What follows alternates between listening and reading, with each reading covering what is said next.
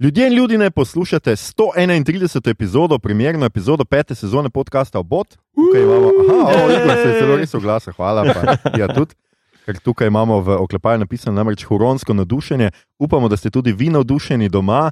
Uh, skratka, da nadaljujemo podcasta, v katerem za vas gledamo, spremljamo, beremo, preizkušamo in poslušamo serije, filme, risanke, špile in knjige vseh žanrov, od F do Z, obot onirično budni in odprto očno drmajoči, smo, tako kot skoraj vedno, Mito Gigič, Servus, Igor Harp Jo. in Aljoša Harlamov. Uh, spodobi se jim pravično je, da v peto sezono vstopamo z gostjo in z nami je filmska in stripovska kritičarka, magistra sociologije kulture, ki je, pardon, to sem moral izpisati iz njene biografije.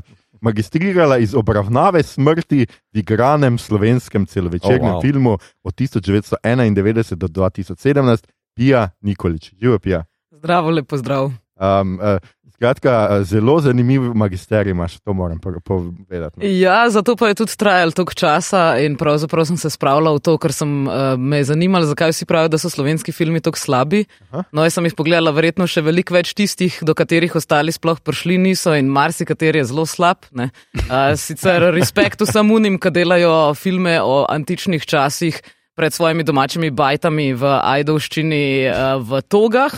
Um, ampak sem ugotovila, da eh, recimo, imamo Slovenci očitno en velik problem, ki se mu reče filmski scenarij. Tako Da, čist na kratko. No. Okay. Zelo na kratko, ampak zelo to the point. Um, glede na to, da si v programski ekipi festivala Razlita Tinta, ki ga pričakujemo 5. do 9. oktobra, dragi naši, to je že naslednji teden, ti prepuščam mogoče še ta uvod, da povabiš poslušalce na vaš festival. Seveda, toplo vabljeni, da se nam pridružite od 5. do 9. oktobra. Ponavadi zmer tako zgleda, da imamo čez teden. eh, Začeli bomo v eh, Zorici, oziroma še prej z razstavo. Um, in potem imamo v bistvu otvoritve razstav, vse tam nekje do petka, različne razstave, zraven bojo pogovori z avtorji. V četrtek je sicer tudi dražba uh, stripovskih del in ilustracij, dobrodelna dražba za Maksa Modica oziroma za njegovo družino, ker on je pač preminil.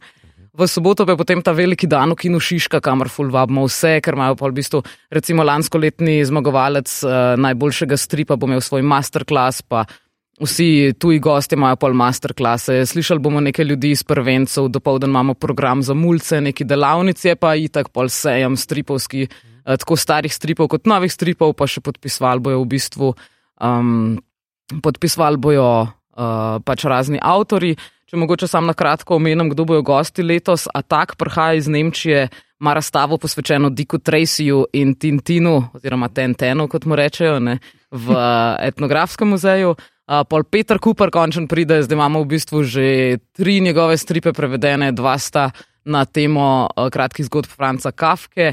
Um, pol moja Romanova recimo tudi pride ob tej priložnosti, bo tudi preveden in izdan njen autobiografski strip Goblin Girl. Da ne se preveč veseliti, ni to kve, nima to kveze z goblini, bolj gre za to, kako je ona nekoč živela v nekem skvotu nad neko prodajalno in kako je bilo težko. In pač ja, v nekem trenutku sicer pride do goblinov, ampak ni zdaj to, da je zdaj to neka okay, okej. okay. cela sajfa oziroma fantazijska zadeva. Um, 15 let kuša bomo praznovali, to je en tak latvijski strip burger v bistvu in v bistvu bodo naredili tudi izmenjavo, ker strip burger ima letos 30 let, pa bojo oni urednikovali kuš, pa kuš bo pol urednikoval strip burger.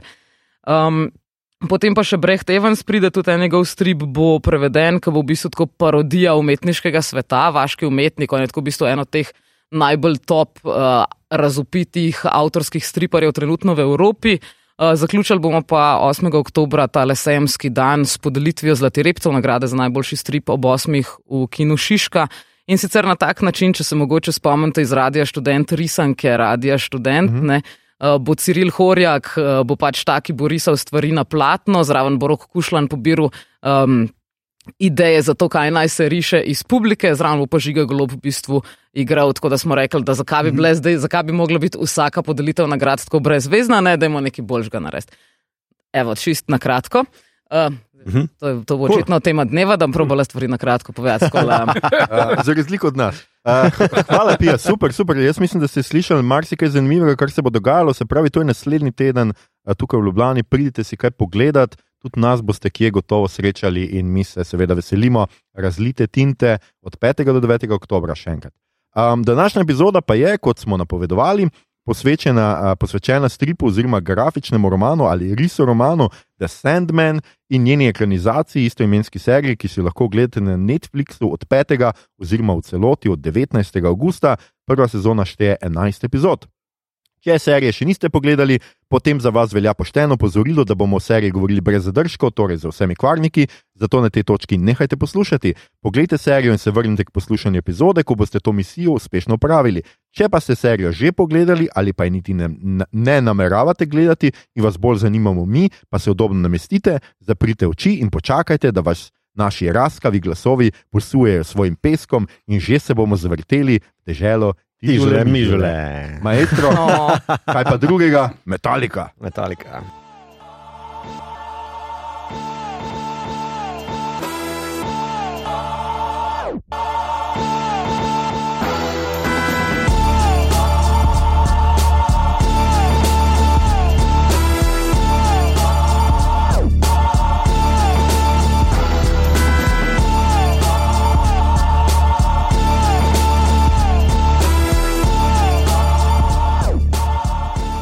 Ok, ok, skratka, mi smo nazaj, to je peta sezona, 131 epizoda, pa mogoče za začetek, da še vajo malo vprašam, kako ste se imeli, kako ste preživeli abstinenčno krizo, ne snemanja novih epizod, zdaj že od vem, julija.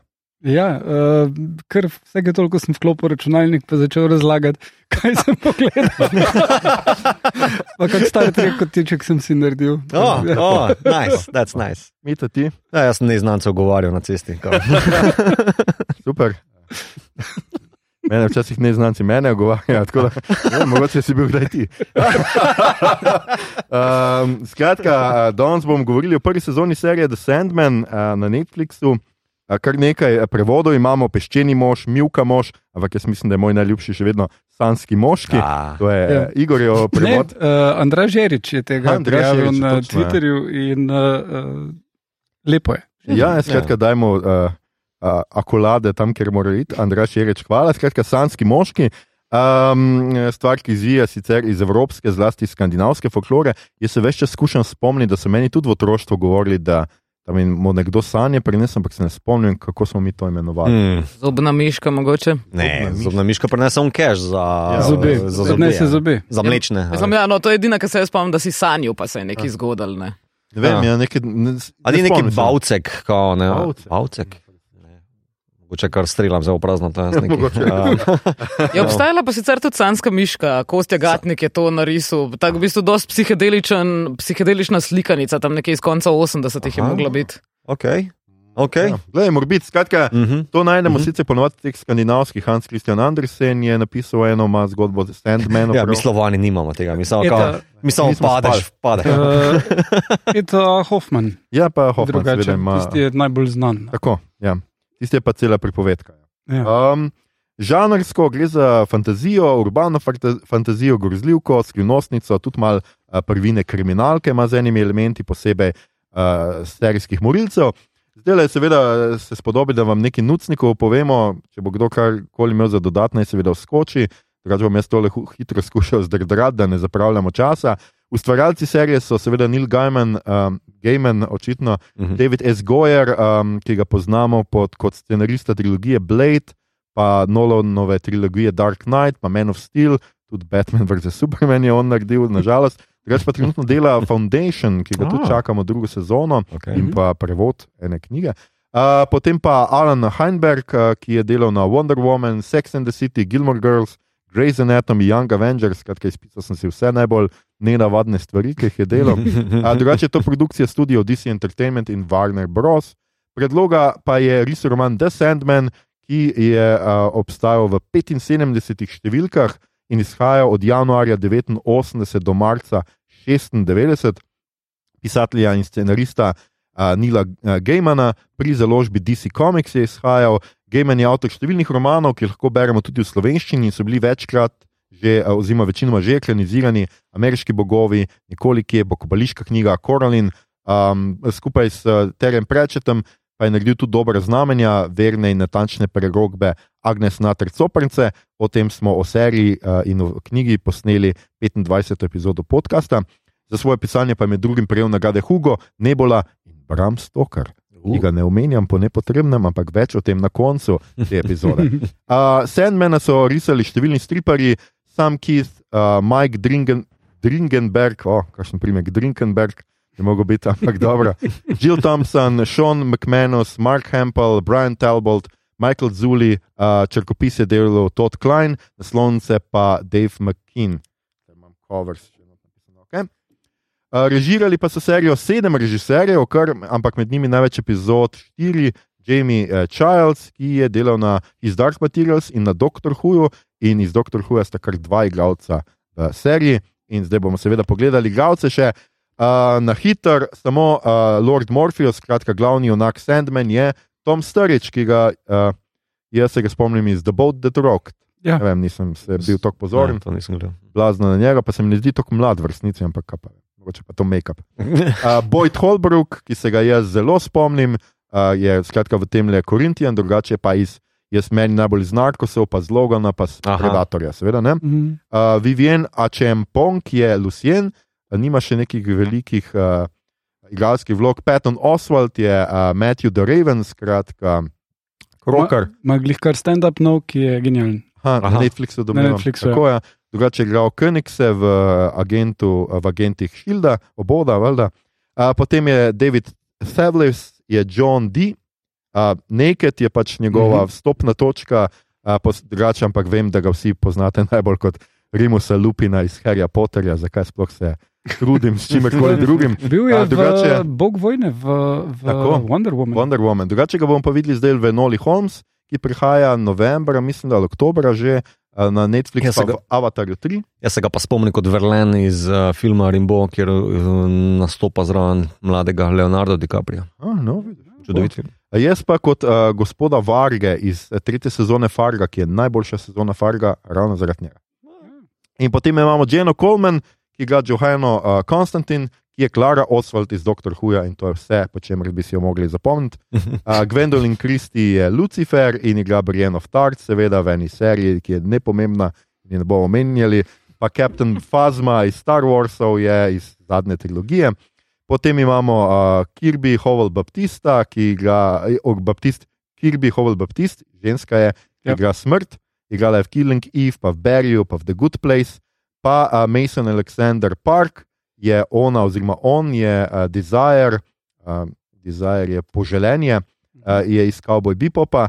Uh, potem pa so med noter še Arthur Darville, ta drugi uh, igralec uh, uh, Dr. Huja, ki sem ga obljubljal, Steven Fry, ki je meni tako prijetno presenetil, da je on v tej, v tej seriji, da sem mogel uh, agentom kar napisati. Pa Mark Hamill uh, posluja glas um, Uh -huh. Pumpkin, Pumpkinheadu. Mervin. Uh, tako. in to je dejansko vsi igralci, ki kadarkoli so igrali v katerikoli filmu in seriji. Se, uh, uh, skratka, to je to za, uh, za tole uh, serijo. Jaz mislim, da igralska zasedba, že potem, kar ste slišali, zveni uh, fajn. In zdaj smo, uh, se vračamo, um, začnemo z pogovorom, končno. In prva, prvo moje vprašanje, seveda, um, Je stripu- obnova, ne? A je obnova še, oh, hvala. Zakaj pa nisem videl, da Aha, tule vmes sem zgrešil obnovo? Skratka, najprej bomo se seveda pogovarjali o obnovi in sicer bo Igor obnovil serijo. Ja, zelo na kratko. Ne, ne. Prvi prizor, začnemo. Napisi. Najprej naredi. Ja. Skratka, uh, Sandman, ki smo menili, je tale glavni junak, on je uh, antropomorfni koncept san, uh, je eden od uh, neskončnih, Osebljene endless. sanje. Uh, in uh, uh, v začetku on tam fura celo sceno sanje, pa pomaga ljudem sanjati, pa ima cel svoj sanski svet. Uh, dogaja se pred stotimi leti, ko ga Charles Dance ugrabi. Hm, Kako si Charlesa Dance spustil? Ja. Ja. Mhm. Ja. Eh, Ne pomembno, ker je v prvi epizodi par minut. Pa pol, Ne. Um, skratka, uh, ga ugrabi, ki hoče smrt ujet, pa pač napačnega Endlesa zgrabi in potem ga ima zaprtega za sto let, pol še ko on umre, ko ga ubije sin, potem še sin ima zaprtega in potem se reši in v tem času so mu vzeli tri magične predmete.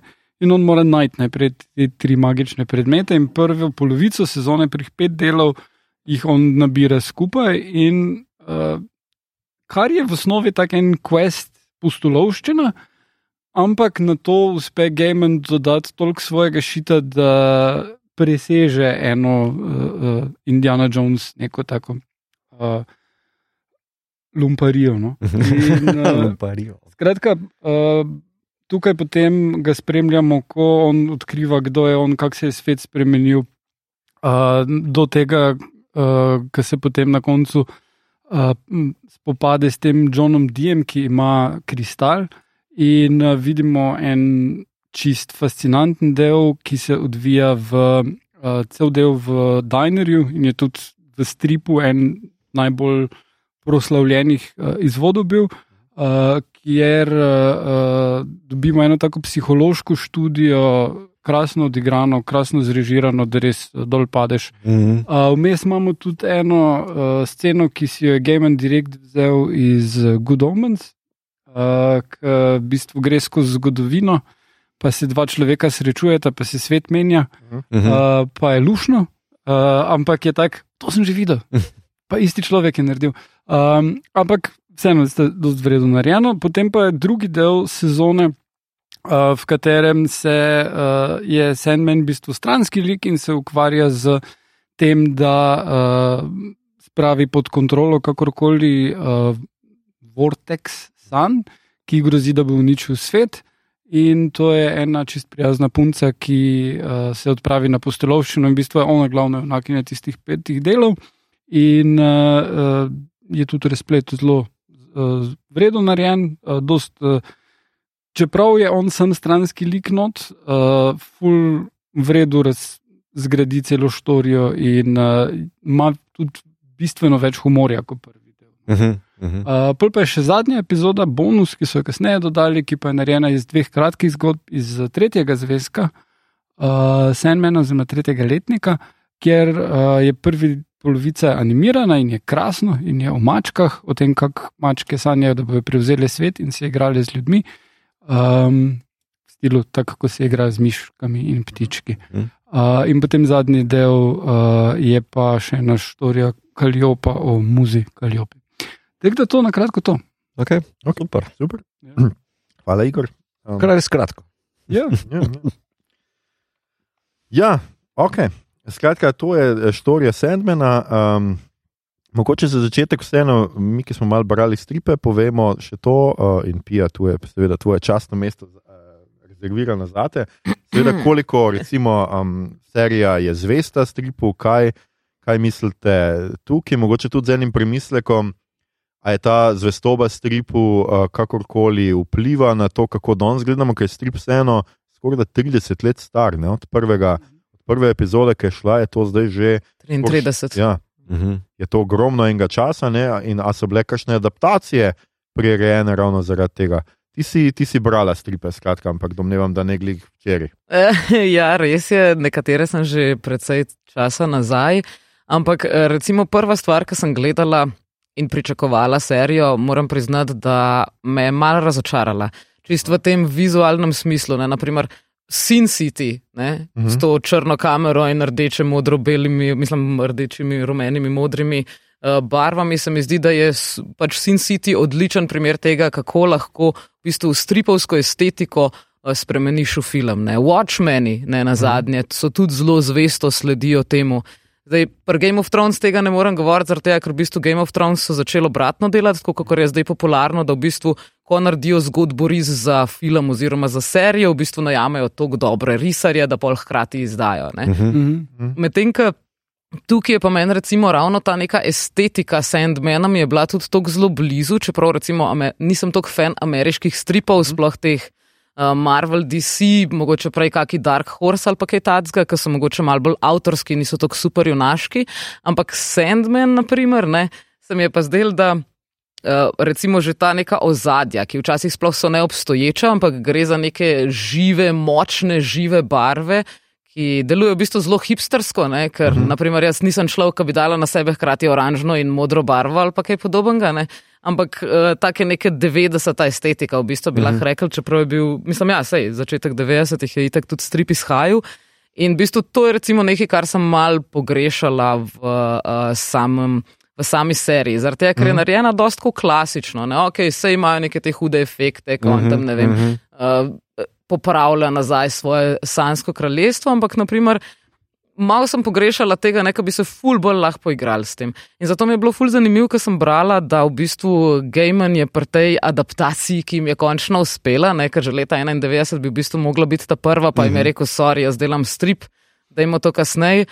Pol pa je imel zelo, zelo različne izkušnje še s tem, no zdaj, ki je končno prišlo do tega, pa so rekli, veš kaj, da bo ti producent, skrb za vse stvari in on bo je dejansko skrbel za vse od tega, da je kastu Toma Sturridgea uh, do tega, da je skrbel za scenografijo. In pokaj sem brala, ja, skrbel je za scenografijo, ampak ni pa pomislil, da bi lahko bil v bistvu to nek uh, drugačen estetski ideal. Mislim, Mhm, mm -hmm, ok, mm mhm. -hmm. mogoče klet so bila vseeno malo navodila iz strani Warner Brosa, ker um, ta John Peters, uh, producent, ki je dosti časa bil glavni za tisto adaptacijo, ki bi se mogla 2013 zgoditi, je bil v bistvu ta človek, ki je uh, rekel, da enih stvari ne razume, da ima to drugače do nekega trenutka, da je dejansko prišel do game na scenarij, v katerem naj bi uh, Morpheus brutalno pretepel Korintijana. Ne? O, In on je rekel, tako pač oprosti, Morpheus pač ni tak človek, ne, mislim, ne moramo zdaj kaj, zdaj bo pa on kar naenkrat brutalen, rado pa nasilen.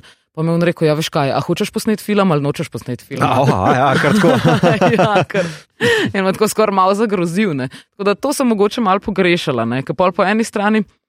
Po, eni, po drugi strani sem si tudi rekla, zakaj morajo biti vsi spet lepi, ne? ker v stripu pač niso vsi lepi. Mm. Naprimer, sploh Morpheus je tako malo starejši od tega, kak zdaj igra, malo je bolj, bolj zguban, ne? Mhm. tip je ne na zadnje, koliko 40 tisoč let, odkar so ljudje, ne? to Mhm. pač lej, to neki pusti na tep, ne more biti zdaj kar tako. Um, In zdaj, bej, da so ga ful napadali, zdaj te, kar kaj si zdaj hočeš neko volk serijo narediti. ne. Mm. Pa je on rekel, kle smo pač dejansko tudi za Morfeusa, smo probavali vse, različnih oblik, različnih barv, pač vse različne ljudi. On je bil pač tak, je na koncu v bistvu uh, dialog povedal, tako kot sem si ga jaz zamislil v glavi. ne. Mhm. Mm. Tudi v stripu imaš v bistvu tam so črni oblački, ne. vsi ostali imajo bele oblačke, Dream ima pa v bistvu črn oblaček. Mm. Mm.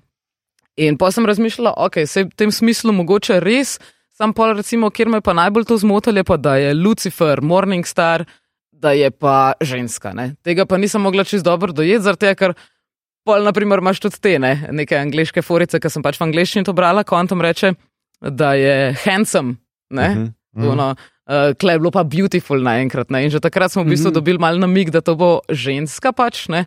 In po svoje se mi zdi super, da je ženska lahko enkrat uh, pač uh, uh, uh, uh, uh, hudič, ne? Ja. Mm. ampak spet pol pridemo do tega, da pol v bistvu Lord Morpheus premaga žensko. Ne? Mm. Aha, A je zdaj ja. to, a je zaradi tega zdaj, mislim, a so zaradi tega zdaj kaj naredili? Ne? Mm. Ali, ka za Lucien, recimo, me ne moti tok, ne? pač edin frizuro bi lahko boljšo naredili, ne? ker tam v stripu ima ful boljšo frizuro.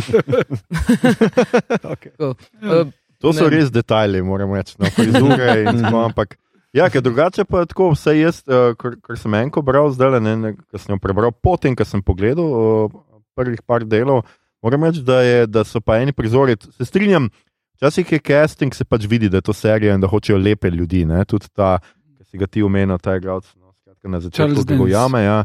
V stripu je čist en drug tip, ne? to je čist, niti malo nista primerljiva, niti niso iskali. Ne, očitno. samo so pa is- poiskali nekoga, ki ima pravo karizmo, da bo probal ujeti smrt. Ne? Ja, ja, ja. No. Mislim, mm, Tako da bolj, bolj v tem smislu, ampak ja, načeloma pa gre v kar dost po sličicah. No.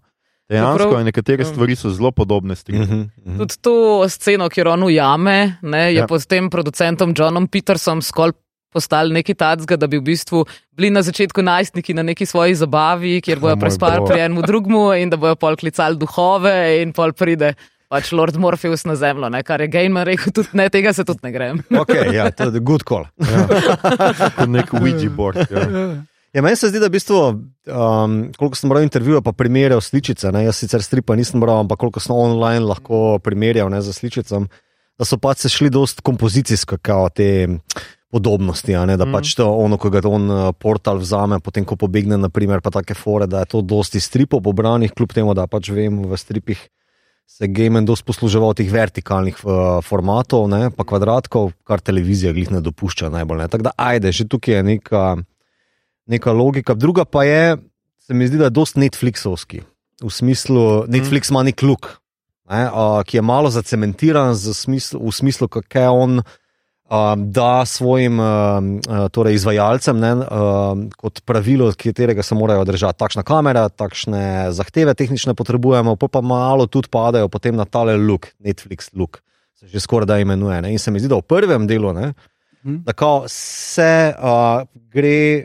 Uh, Da se poigravajo s tem, ker je dosti kontrasten, temen, da tu je še ok, uh, pa te notranje scene so zelo barvite, te neonske luči, ki se kar od nekod prikazujejo. pa tako naprej. Medtem ko ta drugi del sezone je pa tale že dosti taki blaten, uh, spran luk, ki se mi pa zdi, da tu so pa že mogoče malo, ne vem, zaradi zgodbe obrali že drugačen luk, pa da je tukaj bolj ta, ne vem, žrtev že nekih um, procesov, no, ki pa niso toliko stripovski, kot bi pa morali biti, po mojem. Pa blazno prijazen rata Sandman. Ne? Mhm. On je, v stripu se mi zdi, da je veliko bolj čemeren. In Mhm, mhm. Sej Warner Bros. je pa je tudi v nekem trenutku mu je rekel, kar, lej, mi smo razmišljali, zakaj so gospodar prstanov pa Harry Potter tako dobri filmi in uspešni ratelj, zato ker imajo jasno definirane zlobneže. A je to tudi v Sandmanu? In rekel, okay, jaz seveda, da ne. ne. Ja, ja, itak. Ampak hkrati je pa res, meni se zdi čist preveč prijazen, ne, tako celo do te mere prijazen, da sem začela pol Morfiusa že tako malo usporejati z, uh, kako je bilo že tismo vampirju ime, ki se svet, um, Uh, ki ga je Pettison igral. No. Pattinson, ja. No.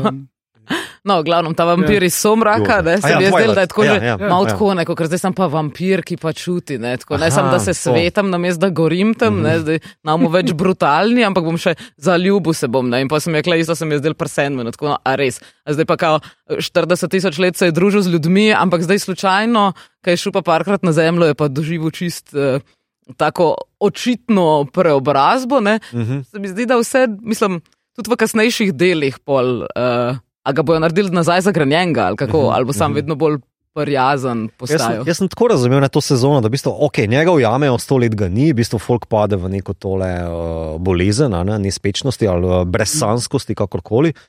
In on, v bistvu, po tistem drugem delu, ne, potem je zelo popadljiv, ne, tako na pol ima nek problem za človeštvom, ne, kot da bi se želel na pol maščevati, ampak to je tako zelo hitro pod preprogo pospravljeno. Ne, ne vem, ste imeli isti feeling. Ne, jaz nisem imel občutek, da sploh zameri njim. Mislim, ker v končni fazi tudi eh, onega ne uh, ubije, ampak ga da v tisti lup, kjer on niti nima tako hardcore noč ne more, pa tudi pol Johna Dija. ne. Uh -huh. Um, kar se mi je pa v stripu zdelo še bolj bizarno, ker stripu ga odpelje nazaj v Arkham, uh, ki ga pa ni mogel ubiti, zato ker je John Dee lik, ki se v nekih drugih uh. DC-jevih stripih pojavi in ga je samo nazaj v Arkham. Nekaj dal. tako v seriji tako deluje, kot da on ima ful nekaj zapovedati človeštvu ali pa na pol se maščevati temu, kaj so mu storili, pa ga smrt prepriča. Lej, tvoja funkcija je tvoj Ja. smisel, tvoja funkcija je v bistvu, kao, da si tu Ja, za njih. ni, ni, povezano s tem, da je bil sto let zaprt, ker najbolj, kar je Mhm. uh, pistov, uh, je, ko gre skozi pekel. Mhm. In ko vidi stvari, ki ono svojo bivšo srečo, pa take Mhm, stvari ga mhm. bolj zmotijo. Ne? Ne, ja, mi, ne, mislil sem, kao, pač, veš, mogoče se nisem dovolj dobro izrazil, ker v bistvu nek lok ima ne, preko Ja, sezone, ja, ja, ne, ja, da se ja. pač nekako spravi s tem, da pač je on sluga človeštvu s tem svojo funkcijo in da pač na začetku ga mogoče malo iritira to. Ne. Da kao, pač ta ujetost mu je pustila neko sled, neko travmo ne, in da pač prvih par epizod imamo nek problem tam, dokler vse z smrtjo ne pogovarja, pa mu ona nekako skozi čudovit del pokaže, v bistvu, kaj se pa deja, mi, endlessly, nekončni, počnemo. Ne. Mm. Mm. Takšen feeling smo. no. Um, Ja. Ja, mogoče v tem, čeprav jaz nisem imel toliko občutka, da je jezen, samo več čas mi daje bolj ta vibe nekega razočaranja, neke depresije, Mhm. melanholije, ne vem česa, nostalgije. V resnici je mene Sandman zelo, zelo spominjal na Dilan Doga. A, Okay. Na Dilana Doga. Jaz moram reči, da tu noter.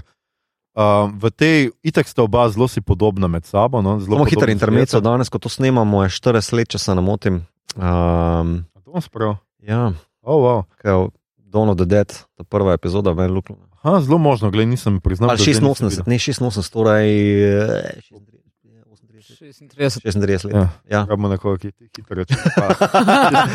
ja, ja, ne moreš, še ni, okay. Mislim, da še ni obletnice. Ja. Ampak ja, skratka, zelo me je spominjal, ker on ima ta en enui, eno tako naveličanost Mhm, mhm. Do sveta, ga zelo. Velčmerc. Ja, ta velčmerc, ja, tako ga zelo ga, uh, o, um, karakterizira. Mislim, da je enako sem jaz dobil pri Sandmanu, da on ni tako jezen, ampak je pa zgubljen. Ne ve točno, kaj je njegova funkcija, kar pa je povezano s tem, da je bil sto let zaprt, da je prišel nazaj, da mu je eh, ta dream, dreaming, se pravi, sansko kraljestvo začelo razpadati, uh Mhm. -huh. da je skratka, zelo težko si pridobil nazaj vse te svoje magične predmete in svojo moč, potem pa takoj isti trenutek pride ta vrtinec, uh, sanski vrtinec, ki mu spet ogrozi to moč in da je mogoče mal se tudi spraševal, kaj je smisel tega, poleg tega, da je seveda on več čas bil mislil, da bo potisnjen v to, da bo jo moral ubiti Mhm. nekoga, ki Mhm. ga je več kot očitno se štekal z njo in mu je bila všeč in je imel neko empatijo, zdaj bo pa moral ubiti za to, da bo pač rešil situacijo. Mhm, mhm. Tako da jaz sem bolj bral v, v tem smislu. Je pa res, da mogoče, zato ker v drugem delu ga ni tok, ga to tok ne pokaže, vsega tega, ne, se mi zdi, da mal ta odnos, mal, se mi zdi pa meni tudi meni, da je ta pač epizoda z smrtjo pač ključna za njega, da mu ona pač pokaže, da ni on kralj ljudi, ampak mm -hmm. je Mhm. pač on služabnik -hmm. Mhm, ljudi na nek mhm. -hmm. način, da on je servis, Mhm. ne pa ne vem, oblast. Ja, ja, da ni Bog. Ne, Ja, nekaj je, takega. da ni pač, da Bog je on stanjem, ampak ne, ne, ne na ta način. Tako da to se mi zdi, pa na koncu tudi sem jaz tako. Ko uh, se sooči s temi uh, ljubitelji uh, mislijev, um, je v resnici, je v resnici pač on jim zameri, pač kar počnejo človeštvo. In je pač tako, uh Mhm. -huh. njim se maščuje. in Jaz s tem berem veliko pač neke empatije do človeštva, uh -huh. Mhm. ker gledaj, ti ljudi pobijajo, pač pa ne vem kaj. Ja, pa, pa se jim bom jaz tudi ne na zadnje se jim maščuje tako, da jih naredi empatične. ne. Tako, ja, Ja. ja. Uh, Ja. ja. Kar je, je fulj zanimivo. Jaz sem bral nekoč eno teorijo glede tega, kako smo ljudje razvili empatijo. In, in sicer uh, v tem, da smo se učili loviti živali in smo se morali naučiti razmišljati tako kot one. Torej, v katero smer bo šla ta gazela. In prek tega se razvije empatija, zato da ti lahko ubiješ nekoga. Sjajno. Jos, bravo. Ja. A, wow. Ja, ja. Tako da si jo potem ubil, pa oh, no, jo, To, boga, to zdaj čisto boga. nov spin mojemu delu 12, 15 let. Ampak ja, sem pa hotel, sem pa hotel še to reči, da pa nek lok, ki ga pa ima uh, Sandman, pa se meni zdi tudi logičen, bolj iz tega vidika, da je po mojem ta serija, se prva sezona narejena, kot da je zaključena celota. Mhm. Za vsak Mhm. primer, če mogoče ne bi dobila zelene luč na nadaljevanje. No, In še sej- vedno jaz nič ne vem o tem, tudi če ni bilo Ne, eh, zaenkrat. v bistvu potrjeno. Gaiman je razložil, da ko so oni naredili deal z Netflixom, je bilo, da če se Netflix ne odloči narediti še ene sezone, najverjetneje najdražje serije, kaj so jo kdaj naredili, Mm? uh, oni lahko drugim prodajo. A, okay. Uh, zato, ker on ima full željo, da bi to šlo dalje in to je bilo Mhm. pol v pogojih. In pol mogoče bi HBO bil zainteresiran, ampak zihar ne, zato ker zdaj pač dela na zmanjševanju stroškov, ampak lahko bi Apple prodali. Uh, HBO, seksi Sandman, Mogoče, seksi Lucifer. mogoče bi pa vojo kupil. Vojo, ja, ja. ja. Okay. Pa bi bil, pa bi bil. Emeršič lahko Sandman. Wow. Wow. Res, res. Res. Ja, ja. Ne boš po defaultu šel na lahko. kavalca. Že vidim, ja. vzemi ali pusti.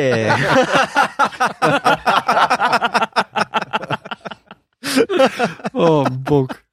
Res, da sem prej rekla, da bi mogoče le bili mal grši liki v seriji, ne, ampak a, mogoče ne rabimo pretiravati.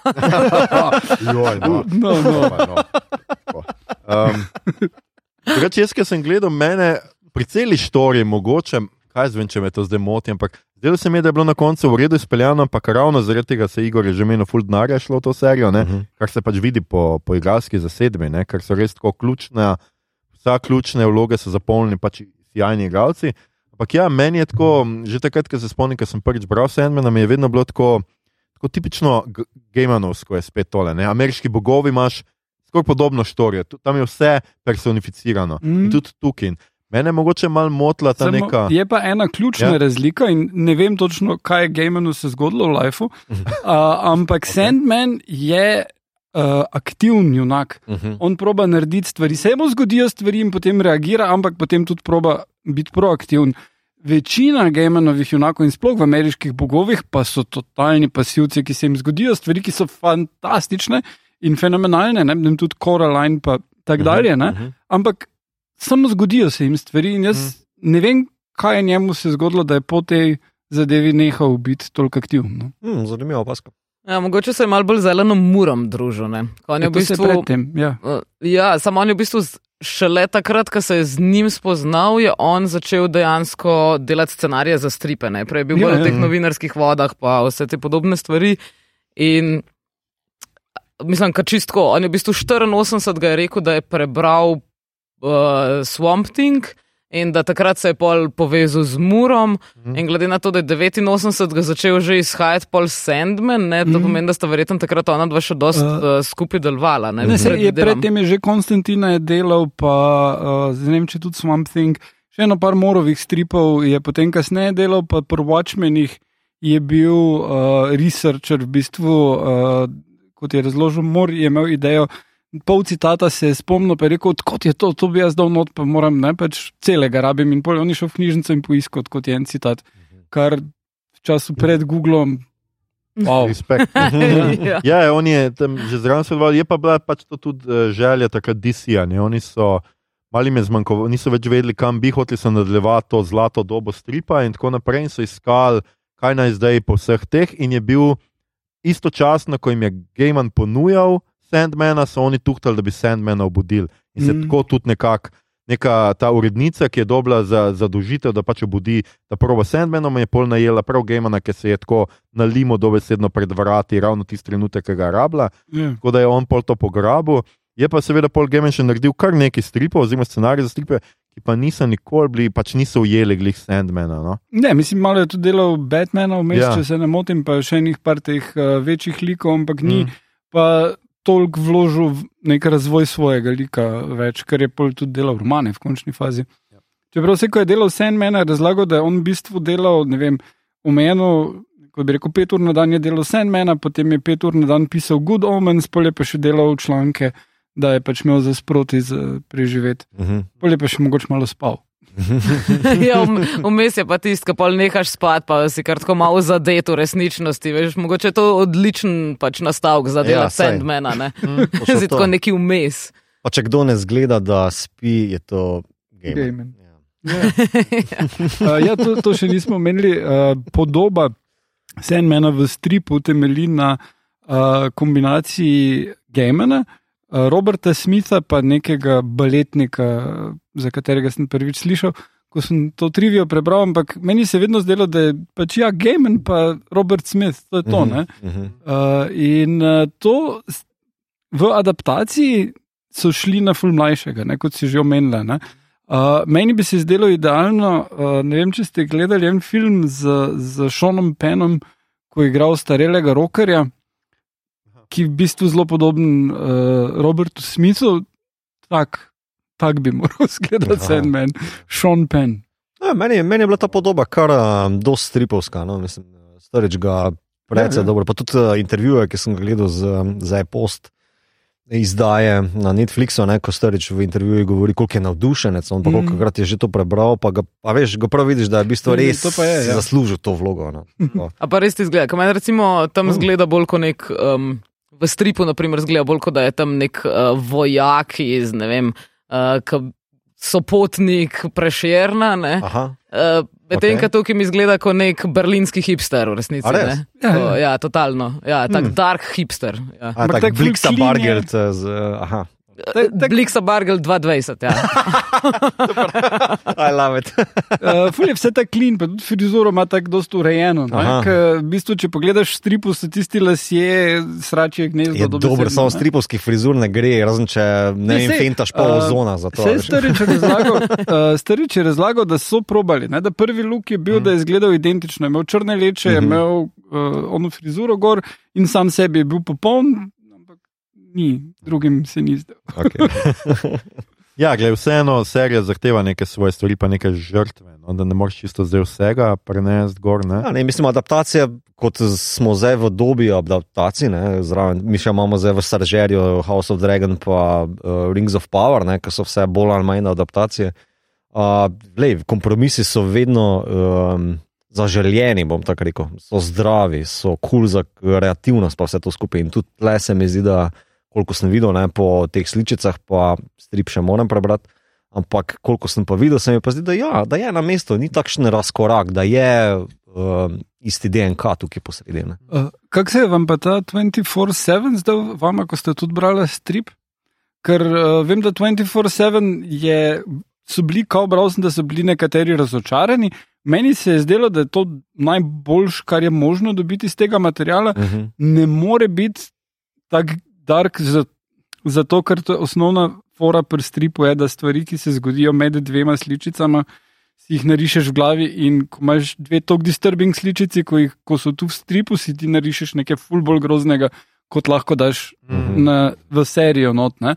Ampak. Uh, Tako da jaz nekako vedno gledam adaptacije stripov, tako da se tega zavedam in se mi je zdelo genialno, da le 24-7. Če- Smem predno Ja. odgovoriti na vprašanje, mogoče samo, če bi dal ti, a veš, ker se mi zdi ta del res, res epski. Mm. Um, če bi naredil na hitro obnovo tega, Uh, lahko, v bistvu del se dogaja v uh, poslušalce. Dinerju.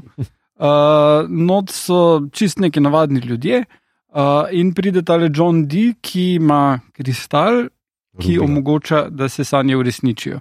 In on uh, ima idejo, da če si ljudje ne bi lagali, pa bi bili iskreni drug do drugega, bi bil svet boljši. Zdaj to pač privede do tega, da vsi ti gosti, stalni, bolj ali manj obiskovalci tega uh, dinerja, uh, začnejo biti vse bolj nesramni, vse bolj pridejo na dan ene zamere, frustracije. Uh, in uh, zaključi se z totalnim masakrom. Ne? Uh, ampak je pa mojstersko narejena gradnja, kako pride do tega. ne. Uh, no, tako da.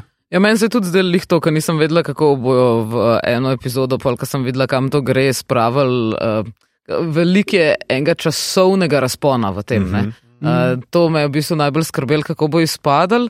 Ampak mislim, da jim je točno to uspelo, kot sem brala po enem intervjuju, da so hoteli v bistvu pač s tem doseči, da bi čim bolj vzljubili te uh, like, ki so tam, ne? Mhm. kar je pač tudi on nekako hotel, da ti v bistvu ljubi ratajo, pa ti grejo že malo na živce, mogoče vmes, ne sploh ta Kate, uh, ki je CEO uh, Vanguarda, ne, ali kako se že to podjetje Ja, ja, imenuje. Ja.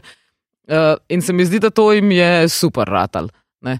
Um, Tudi se mi zdi, da, je tako, da tudi gradnja same zgodbe, da je bila. Najprej sem bila sicer kot malo, uh, sem si mislila, da vsake to, če ste opazili, ni čist točen po stripu, ker ene stvari so, naprimer, tudi iz četrte mm -hmm. epizode, pa so malo za nazaj, ne, Uh -huh. uh, so imeli zgled scenaristi iz povsod. Ampak tu se mi zdi pa, da so se dost. Uh, da so se dost držali. No. In me tudi všeč, kako je epizoda izpadla, čeprav mogoče v primerjavi z ostalimi, ki so malo bolj razgibane. Ne, zdaj ti si rekel, da ti je super epizoda, Uh -huh. ampak uh, si znam predstavljati, da mogoče nek, nočem zdaj podcenjevalno izpasti, ampak nek povprečen gledalec, Uh -huh. da mu pa ta epizoda, glede na ostale, pa izpade preveč umirjeno. Mhm. Ravno zaradi tega, ker se dogaja na uh, enem prostoru. Mhm. Ne? In ravno tukaj bi mogoče lahko izkoristili to, kar sem prej rekla, da bi se poigrali mal bolj živahno z nekimi ozadji. Mhm. Ne? Mhm. Ker tu pa so imeli možnosti, v bistvu je prostor dogajanja praktično ta diner. Uh, mislim, mislim, da nekaj vmes je, sicer, ker se en meni nekaj okol skače, ampak tisti je res minimalno. Ja, Ja, ja. Njega je v tem delu Mm. mm. tako najmanj. In s tem bi mogoče lahko vsem to malo razbil. Ker res sem se sprašvala, a bo za ostale, ki mogoče sploh niso brali stripa, mm. -hmm. ker jih je verjetno ogromno takih, Mm. a bo njim to še vedno zanimivo, da se naenkrat vse dogaja nekje. Medtem, drugače je dost, dost ta hollywoodska varianta. Ne? Na tri minute se zihar predstavimo nekam drugam, ali pa se nekaj zgodi, neki, Ja, ja, ja. uh, neki boom, neki, Mhm, mm -hmm, neki, ne? da je mhm. skozi malo spreminjanje. Klej pa eno mesto, pa še malo se ponovijo stvari vmes. Uh, Mhm. tako je mogoče čist filmsko, da to zelo izstopa, se mi zdi ta epizoda Mhm, od ostalih. Ja, ne se, na čemer, kje bi to lahko padlo, je igra. Ne? Ampak igra je fenomenalna. Vsi ti igralci, ki sem jih prvič videl, so wow. Uh, res dobro odigrajo te vloge. Ti točno vidiš za vsakim stavkom, isto kot v stripu, vidiš, kaj je zadaj. Ne? Uh, kaj je v tem, da se je punca ne javi, kaj točno se je zgodilo, zakaj se je ne javi. Ne? Recimo, uh, par stvari je spremenjenih, glede na strip, ampak mislim, da so kar v redu naredili. V bistvu, ko sem šel še enkrat strip, brati je bilo enih par detajlov v stripu, malo bolj dark. Ko Ja, pogledaš, ja, ja. ono že bi rekel, ja, ja, je še lahko malo bolj dark. Malo je- malo je posodobljeno, vseeno je Mhm. odnos Mm. med ljudmi. pa tako, Ampak drugače pa tako. Jaz sem sicer, meni tle ta epizoda se mi zdi sicer fantastično narejena, ampak mi mal mi tle priznam, da mi je bilo tu mač tega svetobolja in tega. Ne? Da imajo zdaj prav vsi neko strašno skrivnost, o kateri lažejo. Ne? Ni enega lika, ki bi bil pač čisto ok ki ne bi bil ne vem, nasilnež, a, No, prikrit, je a, tisto- prikrita čustva imel a, do nekoga. Tisti, ki pride službo iskat, v bistvu pač ni bolano ambiciozen, pač želi si nekaj doseči z lifeom. No? Jaz sem hoče nekoga ubiti. Ja. Ne, pripravijo ga do tega. Ne? V bistvu malo potenciran, ne pride on z željo, da bo nekoga ubil. Ne? Hmm. Medtem Sam, on ko- mu to reče, kar ne. Ubil si ga samo zato, ker si, ga- ker si hotel nekoga ubiti. Ne? Ja. Mhm. Ja, mal je pač ta masakr, meni mal tumač. Jaz bi imel mogoče še raje manj likov, pa, pa bolj mogoče tako, da bi bilo bolj prepričljivo. To je mene mogoče malo tako zmotilo, ker ta neka ideja, da zdaj pa laž izbrišeš iz sveta, je to kot ročja, da bo Ja, ja, pol vsi postali pač ne vem kaj se bomo zamerili nekomu drugemu. Ne? Mi na našem podkastu nič ne lažemo, pa komod gremo skozi. Jaz mislim, da ni to, kot da pač tu je ena ta svetobolja, pa ta mračnost, ki je Mhm. mal tako. Gejmenovski. Ja, Mm. pred emo, uh, neka pač ta nektar res. Uh, Meni se pa je zdelo, gof. kot- No, ja, iskal, ja. nekdo, ki ni stripa bral, ne, a, ker sem šele pošel, a, po tej, ko sem ta del pogledal, pa se mi je zelo, meni se je zdel izjemen a, del. A, še šel na, potem neki brat, pa par sličic pogledati, celo neki fanflik imaš na YouTubu, 30 minut, ki so posneli po stripu, tako da imaš fanfiction posnet Igrano. igrano. Uh, zabav, bom dal v zapiske od spod. No, meni se pa je zdelo, da v bistvu izstopa namenoma. Uh, če si pozoren, v bistvu v, je komorna zasedba, uh, pa tudi uh, scenografsko je zastavljeno kot neka zaprta zadeva, potem pa še glasba omanka, a veš, v bistvu vse se zelo upočasni. Mhm. Se mi zdi, da se v bistvu pogovarja s stripom na ta način, kot imaš v 24-7, v bistvu te urne nastavke, čez eno uro to, čez eno uro to, čez eno uro to, tleh sicer tega nimaš, ne, ampak je v bistvu ta neka, neko potovanje, je v bistvu počasi stopnjevano ne, uh, in da to, to se mi zdi, da je dober pogovor z originalnim materialom. Ne. Um, Potem pa pač, ja, ok, imaš te svetobolja, pa kao vse te neke izbruhe, pa Mm. umankanje nekih brems, ki bi naj držale naše, ne vem, uh, ki jih laži držijo ne, za mm. Mm. nekimi maskami. in tako naprej. Ampak, tu sem zapol tako vprašal, ne, a veš, a ni to neka eksternalizacija v bistvu kao vseg, vsega tega, kar Sedmen v bistvu predstavlja, ali pa je, ali pa ga igra, ali pa kakorkoli. a Veš, kad ti štirih delov imaš ta neko emoforo, ne, gof. Mm. Pol pa kar naenkrat imaš ta diner, kjer umanka ta glavni protagonist, pa imaš vso to, vse te nastavke, ki jih je on do zdaj igral, povezane med vsemi temi liki. Ne? Mm. A, nekako ta, ta tak vibe uh, se mi je zdelo, kot da v bistvu je nekdo neko veliko sliko naredil, kot to je Sandman, samo brez njega.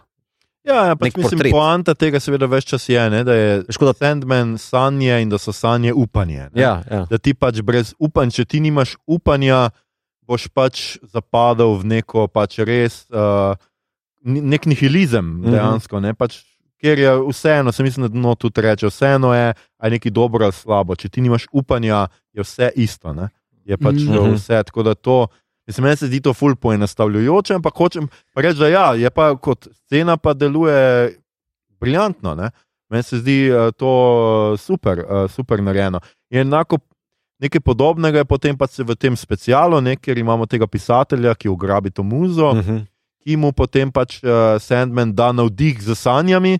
In ga pač uh, zafrkne tako, da ima zdaj pa preveč navdiha. Ne? In pač kar naenkrat ima ideje tako za knjige, za, vsa, za vsak trenutek, in pol že mora, ker, ker nima kulja, kar z uh, krvjo pisati po steni. in tako. Taka čista, to je za me kot Twilight Zone uh, epizoda. Ja, ja, ja. no. Ja, ja. Um, ja, in ko smo že pri tem, seveda pri tem specialu in pri vsem tem, uh, do smo uh, uh, tisti, ki nas ne boste imeli danes dovolj tega pogovora, pogovora o Sandmanu, lahko preberete še našo recenzijo serije Sandman v naslednji številki, se pravi oktobrski številki ekrana, oktobrsko, no- ne, novembrsko, decembrsko. Ne vem, Ne. eni Ne, številki. ne, Te, ki bo zdaj, Te, ki bo zdaj ja. kmalo zunaj, skratka, lahko še tam preberete. In noč smo se dosta, oziroma vidva ste se, no, jaz sem bolj samo popravljal, uh, uh, sta se zelo osredotočali tudi na to razdeljenost uh, sezone. Mm Mhm. -hmm. Mi to posebej ti si imel s tem Ja. strukturo uh, problem, ker se nekako zdi razbita na dva dela. Pač od ravno tega 24-7 dela se nekako prelome. Mhm. In imamo zdaj popolnoma neko drugo zgodbo, niti ni nekega časovnega, niti ni jasno, posem, a je nek blazen časovni preskok, ni verjetno. Ne? Tako je že on za smrtjo, a je naslednji mm, del. Mhm.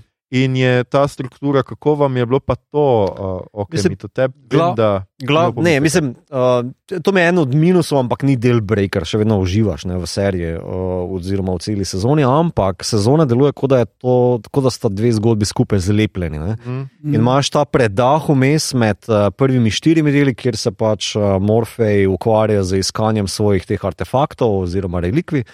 Um, potem pa peti del z Dinerjem, šesti del z uh, um, tem Johnom ali kva je že onim tipom, ki ga uh, smrt in uh, ki mu smrt podeli uh, nesmrtnost ne, in se obisk, Mhm. ga Ja, ja, Morfej zgodovina. obiskuje. Ne.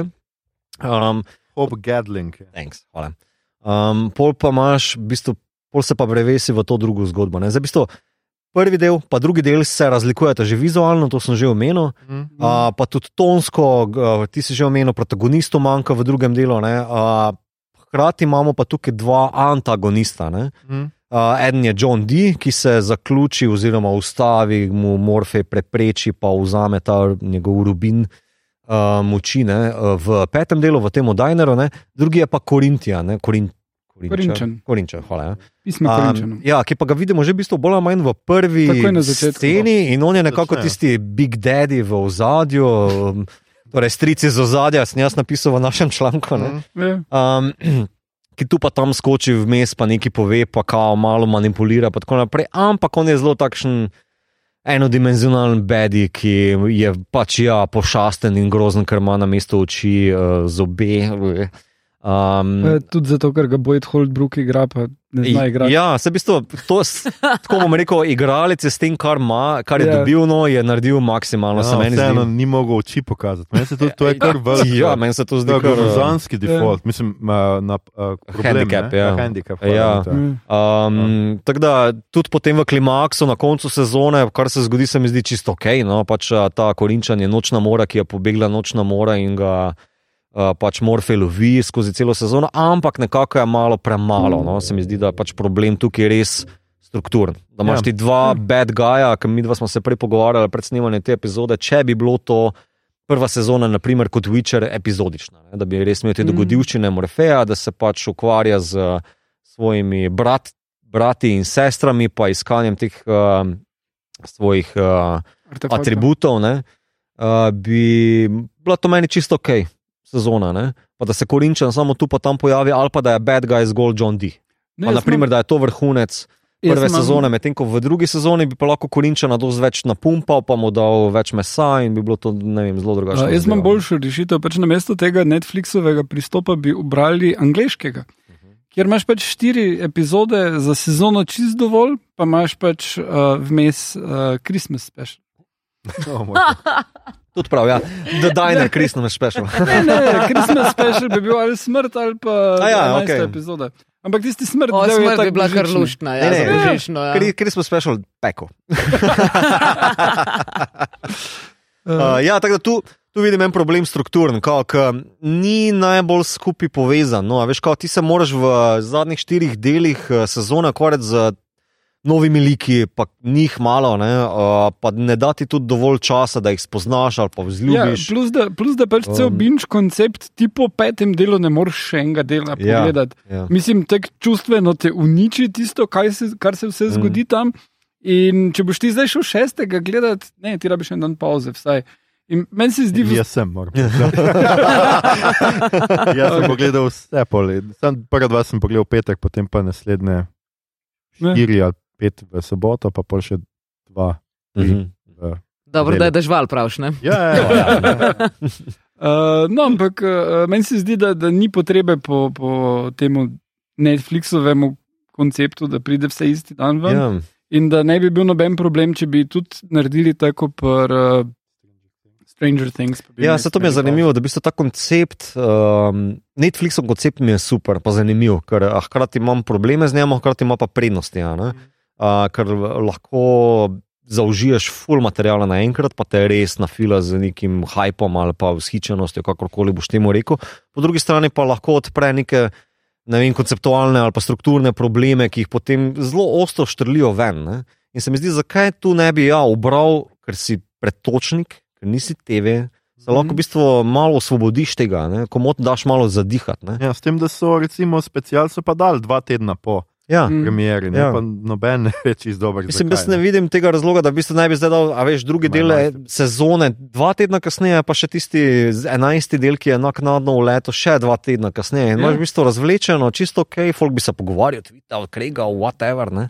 Um, Se to je mogoče najbolj odvisno, ne, kaj hočeš. A hočeš zdaj, da se ljudje dejansko pogovarjajo o tem, pač un en teden potem, ko to ven pride, mm -hmm. ker Mhm. pa bo že tako nova mm -hmm. nadaljevanka, ne? mm, ali imaš tako, da je pač enkrat na teden nekaj. Ne? Zdaj, če se referiram na Georga Weizmana, on je naredil sicer o sodobni umetnosti v galerijah. Uh, Objekt 20. stoletja, knjigo, uh mhm. -huh. on tam trdi, da v bistvu umetnost rata, umetnost, naprimer, tudi če ni na nekem piedestalu oziroma v nekem kontekstu, ok, če imamo pač Netflix, si rečemo, ok, to je zdaj neka uh, filmska umetnost, neki Ja, ja, neki. ja. Ne? Ampak še vedno on tam pravi, da v bistvu samo umetniško delo postane umetniško delo šele takrat, ko stopi v dialog z gledalcem, uh Mhm. -huh. ne, s tistim, uh -huh. ki to umetniško delo uživa. uh -huh. Ja. In v tem smislu se mi zdi, da če imaš ti enkrat na teden ne, uh, pač serijo, ki prihaja ven, veliko lažje dosežeš ta nek hype, to nek pogovor, da to pride v javni diskurs. Mhm, Ne. mhm. Dosežeš lahko, kar se je dogajalo z uh, igrami prestolom, ne. da vsak teden se izogibaš žižku, ki ga vidiš, zaradi tega, ker če se boš usedel kaj v uh, slovenski etnografski muzej v kavarno, boš slišal vse, kaj se je dogajalo od žižka, ne, Tako, ali pa na Trubarjevi, boh Ja, ne ja. dej. Ja, ja. Uh, true story, ne? true story, da ne o tem mislim. ampak v tem smislu mogoče uh, je večji boom naenkrat, ne? Mhm. ampak hkrati ima ta večji boom naenkrat, vel, po mojem mnenju, veliko manjši vpliv na celotno družbo. In čez en let, ko te bo nekdo vprašal za nazaj, kaj si pogledal lani poleti, se boš težje spomnil tega, kot naprimer Igr prestolov, ki so ljudje. Tradicionalno jih vsako nedeljo skupaj ja, ja, so cimri ja. ja. gledali, se dobivali, pa nekomu jih pogledali. Ne, imaš ti Netflix, a Ja, jaz ga ja. nimam, ne, dajmo se dobiti. Ja, ja. ne. Ja, ja. Ne, gre se za eno. Temu se reče Netflix chill. A ja, to, okay. Ne, Dajmo se to dobiti. pomeni nekaj drugega. Ne, mislim, sama logika presnavljanja je tukaj, da se res tako izrazim. Presnavljanja je tukaj mm. posredi, ker se mi zdi, da Netflix je na začetku to zelo dober jahal, Mm. a tle pa se mi zdi, da mu zmanjka še posebej, ko imaš tako hudo konkurenco. Ne?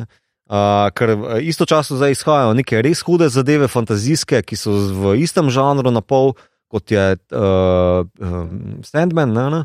In tukaj, ja, ne vem, jaz bi se osebno mislim, bi se drugače odločil, ampak get it, no. binge uh, koncept izvira iz tega, da so oni najprej dobili celo sezono, ko je bila na TV-ju predvajana, na ABC ali pa katerikoli mreži, ali pa tudi BBC, in je bila na TV-ju predvajana 20 delov ali pa koliko, in potem so oni z nekaj zamika dodali tja gor celo. Mm. In ti, če pač nisi uspel gledati sproti, si takrat pogledal ali celo ali tiste dele, ki ste manjkali, ali karkoli, in to je super. In mislim, to je zelo vreden koncept. Pol so začeli svoje serije delati in so jih dali takoj ven. In, okay, uh, tisto s Kevinom Spaceyjem, uh, House of Cards, ne, v redu. Mm. Dok so imeli po eno, dve seriji na leto, pa pač imaš ta koncept, pa rečeš, wow, ok, zdaj je to, ne. Vredno, ampak če imaš vsak teden po dve seriji, pa tri filme, pa pol, se res vse zgubi nekje. Ja, res je sicer, da so oni pač prav identiteto delali s tem. Da Ja, pač ja. Prav njihov koncept je pač Ja, to, saj vem, binge watching je njihova zadeva in Ampak na potem eni se točki- pretočnik Na eni točki lahko, televizije. ne. Ja, na eni ampak- točki lahko spremeniš koncept. Ja, ja, seveda, ampak zaenkrat, ravno zadnjič sem bral, so rekli, da ne. Ja. Ja, Prav sem jaz to že napovedoval, tu- že par let. Tu se mi zdi potem kao problem, da pač Sandman je na določenih točkah žrtev tega nekega sistema, tako kot je Ja. ja. vizualno, se meni zdi deloma žrtev tega, ne? um, uh, pa potem ta pretočnost oziroma binžanje, kakorkoli, ne, da malo škodi temu. Ne? Ja, ja, saj nasploh se zdi- serije so pač problematične. Mislim, problem, problem Ja. je zdaj nastal pač točno z epizodičnostjo. Mhm. Mm -hmm. To, kar bi recimo Sandman, pa domnevam, da v naslednjih letih pač bo, v naslednjih sezonah bo bolj epizodičen, bo še več tega, Mhm. -hmm. kot je zdaj bilo. Bo ravno to problem, ker pač ti seveda, za, če imaš na pretočniku, pa vržeš vse isti hip ven, ne rabiš epizodičnosti. Mm Mhm, -hmm. mhm. Ne rabi biti vsak del zase strukturiran, zato ker ravno zaradi tega, ker ti vabiš ljudi, da pogledajo naslednjega. Ne? Če pa imaš ti epizodo, pa bo en del cel pogledal, pa grejo vmes spat, Mhm. pa jutri dalje gledajo. Ne? Tako da se mislim, da tudi zaradi tega malo izogiba. Se pa je pri Sandmanu ja, to pokazalo, ne? da pač ja, imaš pol sezone, tako pol popolno spremeni ton, Mhm. potem pa daš še nek special, ki pa je oziroma special, en del, ki je v dve zgodbi, ki pa sta popolnoma nekaj Mhm, drugega od mhm, tega, kar smo do zdaj Mhm, gledali. ne. Uh, in je bilo mogoče malo tako, čeprav je izjemno, tako kot sem jaz pač rekel, za me je to eden najboljših uh, Twilight Zone epizod, Mhm, ampak mhm. Nima pa, ni pa imelo dost povezave z, z celoto, ne? zdaj bomo pa pač videli. Eno, meni men se je recimo zdelo, da tako lepo paše not v koncept, kot je bilo pri Sherlocku. Uh, vem, da med dvema sezonama, ko se konča tako, da je on umrl, Ja. in potem je prvi del, ko se ljudje menijo, kaj pa če je to tako se je rešil, kaj pa če je Aha. bilo tako, kaj pa če je bilo tako. In to se mi zdi vredo koncept. Mislim, da je zelo vredo, da imajo serije to vrstne epizode. Ne, ne rabiš uh, vedno iste, iste uh, pač struge teči. Mm. Ne, to se čist strinjam. So se pa malo zavedali, a, da je, da je vseeno serija za težja, ne pija ni hotla žaliti gledalce, kako smo že rekli, da je malo mogoče težja za poprečnega gledalca, ker so pa recape, ki niso pogosto pri Netflixovih a, naročenih serijah. Skratka, na začetku je ta nek, kaj se je prejšnji. samo res, viš, to pa sploh nisem bil pozoren. To, to je recape, pri ja. Netflixu je tega večinoma izogibal. Mhm, mhm. In tudi pri Netflixu ti nikoli ne vidiš uh, zadnjih pač, uh, napisov, ne? takoj ti on Mhm. preskoči. Pri drugih vidiš, ne vem, par sekund več. To sem se enkrat naučil, ko sem bral o, o Netflixu. Ker bom imel uh, novembra eno predavanje na Netflixu, ampak uh, smo tam nekje v Mariboru. Ta-tam. um, ja, skratka, tako, ampak v celotni vtis pa je kaj, bo, bo gledali drugo sezono ali ne. A, itak.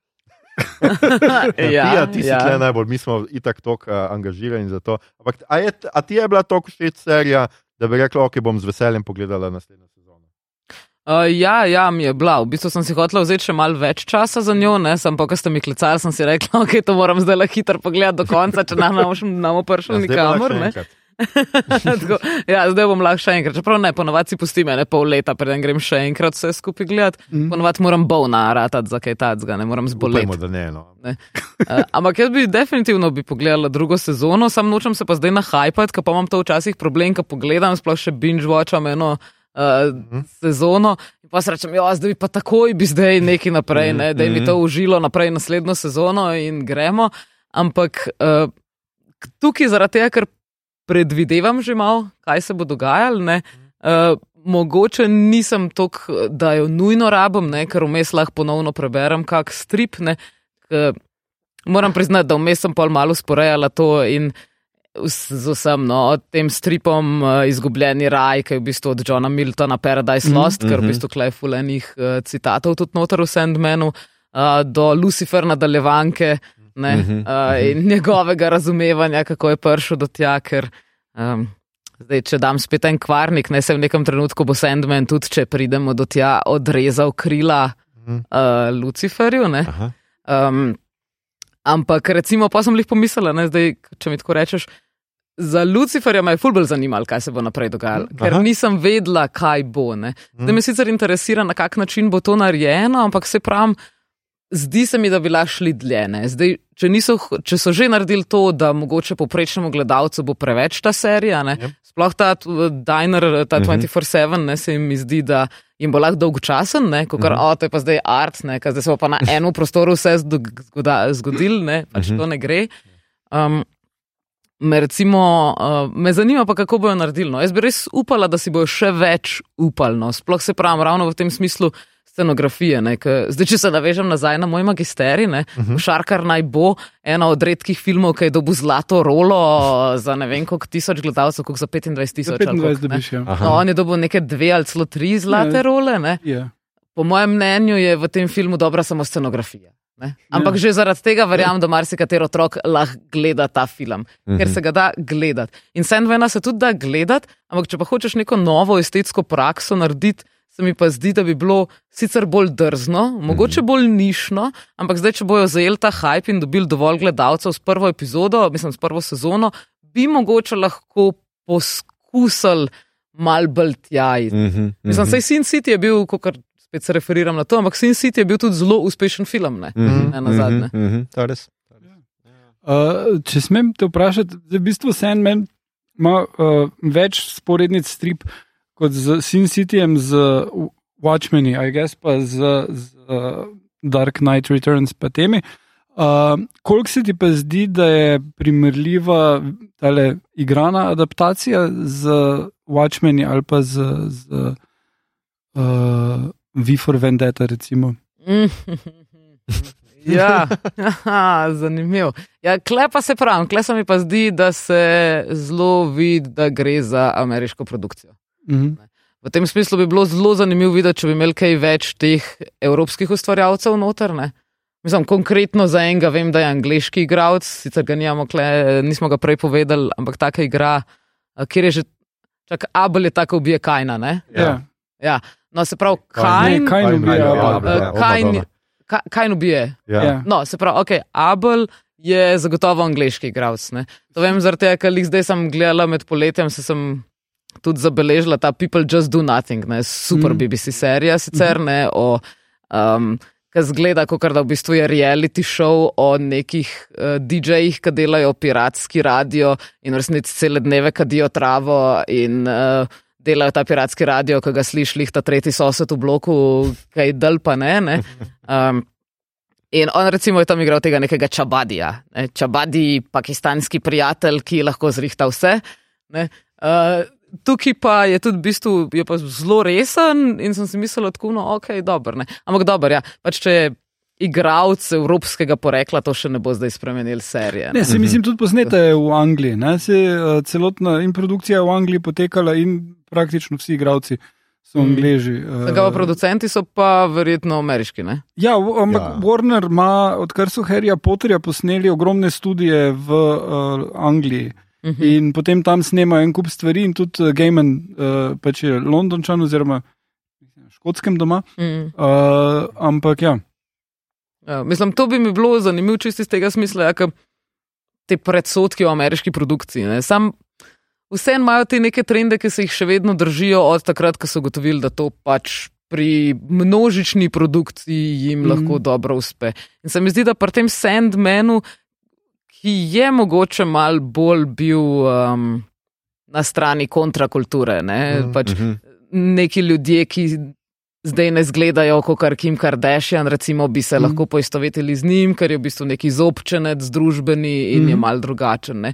Ni pa stigmatiziran, v bistvu je heroj zaradi tega, ker je Mhm, drugačen. Ne. mhm. Da bi to lahko veliko boljš um, povzel na evropski način, kot na nek ta ameriški. Kjer so ponovadi izobčenci, no, o, zdaj smo pa v srednji šoli, nekdo rata izobčenec in do konca mm. leta postane glavni na unem, uh, pač kraljica plesa oziroma kralj plesa, ne, ker uh, itak se pol to obrne, da on izobčenec postane, postane legenda. Ampak imamo izobčenca, ki ostaja izobčenec, ne. Mhm, on mhm. ustraja pri tej svoji vlogi. In bi zaradi tega mogoče lahko res ustrajali pri tem, ne pa zdaj, da se nam prikupi, ne, da se pa on zdaj smejčka temu svojemu prijatelju, ki je ratu. Uh, Kaj mu reče prijatelj, končno, ne? zdaj, ko ga vidi po stoletni uh, zaprtosti. Ampak tako, ne, pač ne rabiš tega. Ne? Zakaj ne more on pač ostati en mrk, depresiven model, ki pač uno malo mu gre vse na živce, uno pač se, se sprašuješ, kakšne sanje so to, ne? ker sanje so nekaj lepega, kar si želimo, upamo. Mm. Ampak ne, zakaj ne bi mogel pač on ostati ta pač. Model, ki se ga v resnici vsi izogibajo, ne? pa ki greš stran na avtobusu sedeti, zaradi tega, ker si misliš, da me bo mogoče ubil do konca, ne? če bo vas sama tam na 25, ki so dobro vene ali pa kaj To takega. pravi evropejc. ja no, se, tu je ta razlika, ker če boš na, na busu se vsedel poleg Gamena, boš se malo proč umaknil, če boš se pa poleg Elena mora, boš pa izstopil. No, ampak ja, ampak to je, je taka tipična. Ampak vse to imajo zdaj tudi Britanci. To je pač uh, show business. Je tako, ne. Mene bolj kot tukaj mogoče motilo tlo pri Sherlocku, ne, ko se pogovarjamo o tem, ker tudi Sherlock mora pokazati, da je čustven, da ne vem kaj, čeprav je poanta njegovega, celega njegovega delovanja ravno to, da on odstrani čustva, da lahko pač razrešuje umore. Ne, in on mora priti do tega, da se z Watsonom, da sta ok, pa da ste si kul. Cool, pa ne vem kaj, in da njegovi poroki, ne vem, kakšne napitnice ima, ampak to ni poanta, ne Šerlo bi mogel ostati tam. In mogoče meni sicer tudi noter ni to kmotlo, ker se mi zdi, da mogoče bo pa še že se mu še kaj zgodil, da ne bo zike mu lahko ga ubijajo. prej. Uh, če ni drugega, bomo Wow. spet kakšnega krokarja ubili ali pa kaj. A ni Pa bil bo Gargol že dovolj, mislim, tale Gary. ali- Ja, no. ja, no, come on. To meni je bilo to že dovolj, samo ne mi Lucien še vzeti, pa mislim, to bo že res katastrofa. Ja, ja, no, glej. Neki more, da bo spet mal uh, zapit in no, zapit jih ni. Ni, A, mm. no, še bolj depresiven. ali kaj. Čeprav je pa meni pa, pa ravno to, imaš pa prav, pač meni je všeč to, da seveda je sanje so take, zato ker on ne more sanjati, domnevam. Hm. In A pač, sedmen sanja. in pač Ne. on ne sanja, ker on je sanja in pač nima upanja, ne? on je pač brezupen. Čeprav, a, a ni tako, da lih on ga ima, on v bistvu z upanjem premaga hudiča, ne? nekaj Ja, ja, močnejše od Ja, hudiča. to so ne. to. Ja. ja. To so to. Sam mu prišepne to uh, vran. Krokar. O, krokar, Ah. pardon, zdaj sem pa ga že jaz užalo. Krokarja. Uh, krokar mu to prišepne, ne? on se ne spomni, krokar mu reče. Ne? Jaz sem res Ja. v bistvu bivši človek. Kako? Mhm. Ja. Ja. Ima upanje, da bo nekoč spet the real boy. no, ne vem, kaj je bil. Okay.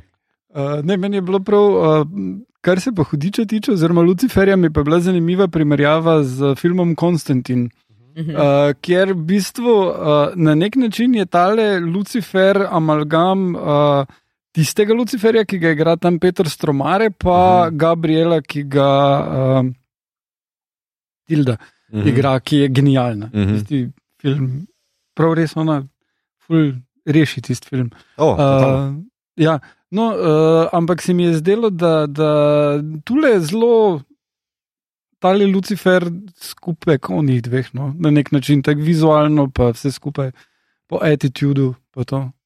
Jaz sem pa že razmišljala, če so njo vzeli za Luciferja sam zaradi tega, ker lahko naredijo to grdo blond pričesko, kot je v Ja. stripu, pa zaradi tega, ker je večja od njega. ne. Ja, ja, ja, ja. Ja, Ne, meni se pa zdi, da ima eno tako hudomušnost, uh, že eno v nasmešku, a veš, Gwendolyn, um, da je bila zelo pripravljena, kao že Ja, ni, ni tako da... na prvi pogled evil. Ne, tako ampak pač je kao. To Zato, ker je blond. Ja, ne, ne, ne, ne, ne. Meni je pa bilo prav tako tisti nasmešek, ko vidi kao Morfeja, ki pride skozi vrata, pa kao, olega.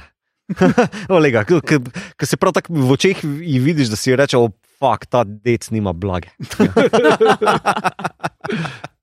tako in ta, ta luciferski, da je radoživ, uh, hudomušnost, ta, Ja, ja, ja. beautiful. beautiful. Ja, drugače pač tako, da vse vizualno je pač vseeno, vmes smo dobili marsikšno serijo, marsikšen film, marsikšen strip, ki se je navdihoval pri Sandmanu in marsikšna rešitev, ki je tu noter upeljana prvič, seveda smo jo zdaj videli že stokrat vmes. Mm. Mislim, meni pekel zgleda in kot Mordor, in kot ne vem kaj. Uh, ta njegova, uh, nekdo je celo napisal, smo to mi celo v članku, neki Igor, mislim, da si ti to po moje prispeval. Da to njegovo kraljestvo zgleda na pol kot bradavičar. A ne, Ja, ja, jaz. to je mito, A, no, okay, to je mito, Narnija. ja. Mene je in pa v bistvu lih na Walt Disneyjev Ungrad ja, na začetku, Ja, ja, ja, ta, ja, ja. ta švajn. Ja, Ja, ja, Schweinstein- Schweinstein nekaj. Ja, ja, ja, ja. ja je, tako, tako da je pač vizualno pač ni. A veš, kako boš. A bi šli v čisto neko drugo smer, ampak pol bi stripovsko predlogo zgubili. Mhm, Uh -huh, mhm. Lucifer, pač, tako smo videli skoraj vse Lucifere do zdaj. Ne? Mhm, mhm. Ne vem. Ni da je neki razen, da pač ok blond. tle. Je vseeno je Morning Star. Ne? Ja. Sem, mogoče pa, ima, pa je to že bila prikrita reklama za blond, ki pride ta teden ven. Ne vem. Ne, pa se Morning Star je pač to originalno ime, to je Ja. že in v Johnu Ja. Miltonu in v Ja. Luciferju. ne. Ja, ja.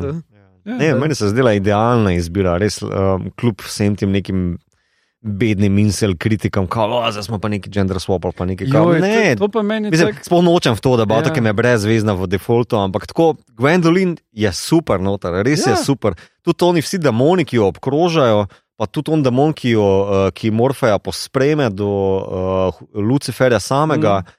Uh, ves ta svet je zelo lepo zgrajen, tako da ti nek feeling, atmosfera je na mestu, vsi oni hudički od spod, ki se kričijo, pa tepejo, pa ne vem, kaj ljudje. Vse je zelo fino.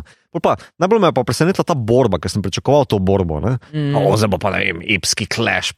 Pol Pa v bistvu borba idej, pa konceptov. What the fuck, man, Ja. to je kar hardcore, stari. To je gaming. Ja, to je kar lepa, lepa.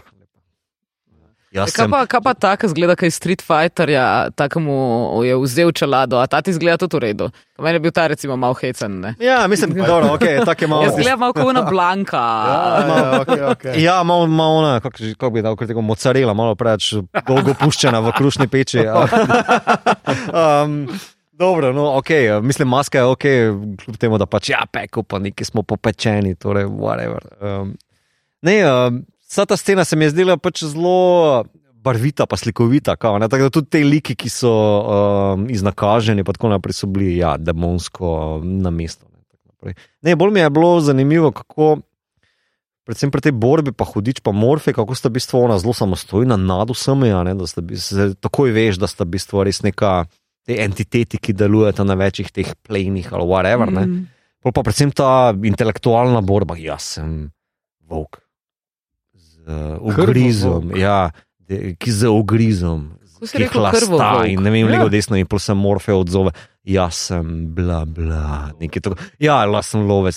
Mislim, ta vsa, vsa zadeva, kako se stopnjuje, kako je počasna, kako je lepa, mm. kako je v bistvu, na mestu, samo tako bom rekel. Ne, da je tako ta me je ful presenetila. No, ker je zelo easy bi lahko zapadel v neko stripovsko sranje, da pač se gremo samo klad pa pešice. Ja, v ja. 120 framih na sekundo uh, slikata, whatever. Ne, a veš. Zdaj sem počutila osebno užaljeno, ne? ker zmeraj opozarjam ljudi, ko mi začnejo govoriti o stripovski estetiki, da uh, vsak človek, ki ima rad neke vrste estetiko, lahko najde strip zase. Ne? A, Ja, okay. ja. Ja, govorimo pa raje o komercialnih stripih. Dobro, ja, ja, ja. Ne, ne zgolj to, mislim, da je mislil, to, uh, kako so adaptirani na film. Ja, ja, vedno, ja, ne. Zato ja. je 120 frameov, ker 120 sličic enega udarca bi pa bilo malo uvrki. Ja, se vsi vemo, koga kritiziram, ne? to je ta ja. Snyder pristop, ne, kao, ne, da pač Slow-mo. slow-mo, Oh, oh, yeah. yeah. uh, epic shit. Ne. Takoj, ko bi on videl ta prizor, bi bil, oh ja. Oh, ja, give it to me, baby, pa uh, grem na vece, pa don't knock for 15 minutes. Meni je še vedno najboljši, uh, ne vem, pozabil sem režiserja, ki je naredil drugi del 300, en Mhm. mm -hmm. najbolj nepotrebnih filmov, Mhm. uh, ki se je tak face gledoval po Snyderju, samo ni znal tega narediti kul. Cool. Mhm. In pol imaš sceno, ko delajo oni tiste svoje ladje in tako hoblajo in tako. ja, ja, ja, ja. Wow. um, tako da, ja, ne vem. Uh, mislim, meni je uh, pristopi, ki so bili tu, bili tu obrani, pa sicer še enkrat ponavljam, stripa nisem bral, ampak um, mislim, da je bilo zelo fino za različne type gledanja, kao, pa za različne type gledalcev, kao, dovolj materijala tle noter, da te povabijo, no, veš, da te res. uh, Da, nekaj novega. No, kao, ker, ja, strip je, DC je, Vertigo. Ne, um, to so DC lik, uh, liki. Ne, uh, in pač, ampak je nek drug level. Ne, tudi v članku smo mi napisali, oziroma sem jasno noter fuknil to črtico, da pač malo bolj intelektualistično deluje na cajt, kot je pa pač mogoče nek Marvelovski ali pa poprečen DC-ovski bralec navajen. Da pač ja, noter imaš Shakespearea, pa noter imaš uh, ene te like. Uh, uh, Pa smrt, pa uh, neke koncepte, ki se pač treba malo bolj obadati z njimi, uh, kot pa pač neko preprosto akcijo. Ne? In uh, tudi je ravno dovolj Evropa tega, pa ravno dovolj te rajca, kao, da ti reče: Ja, se sem strip, ampak hej, I'm, I'm the new guy on the block. Ne? Tako. New Guy iz 89. New, new kids on the block, ki so pa res 89. The right stuff. Ok, ok. Um, uh, mislim, da je bila debata fina. Je kdo še hotel kaj na tej točki zaključiti, kaj, kakšno pametno misel, še kaj posebnega reči? Skratka, mi smo uživali v prvi sezoni uh, Sandmana, uh, Sanskega moškega. Dajte tudi vi uživati, če, če niste pogledali do zdaj, upam, da smo vas pripričali, da pogledate in predvsem se veselimo druge sezone. In to pomeni, da je na vrsti Star Trek kotiček. Mi to? Ta-dam. Tudi mo- Morali imeti tle nek tudi musko še. ja, res smo mogli imeti že počasi. Um, kar se tiče sanj, bi izpostavil dva dela. V Star Treku sicer so sanje dosti pogost motiv, ampak v naprimer, TNG Birthright Part 1, uh, to je šesta sezona, 16. del, je pa to glavni motiv, oziroma glavni, kako ne rečete, light motiv za Dejto. On naleti na nek. Uh, Dejta sanjati? Ja, glih to. glih to. Uh, uh, Enterprise parkira v Deep Space Nine, Bashir pride z nekim didgeridu na ladjo in ne ve, odkot je, kva dela.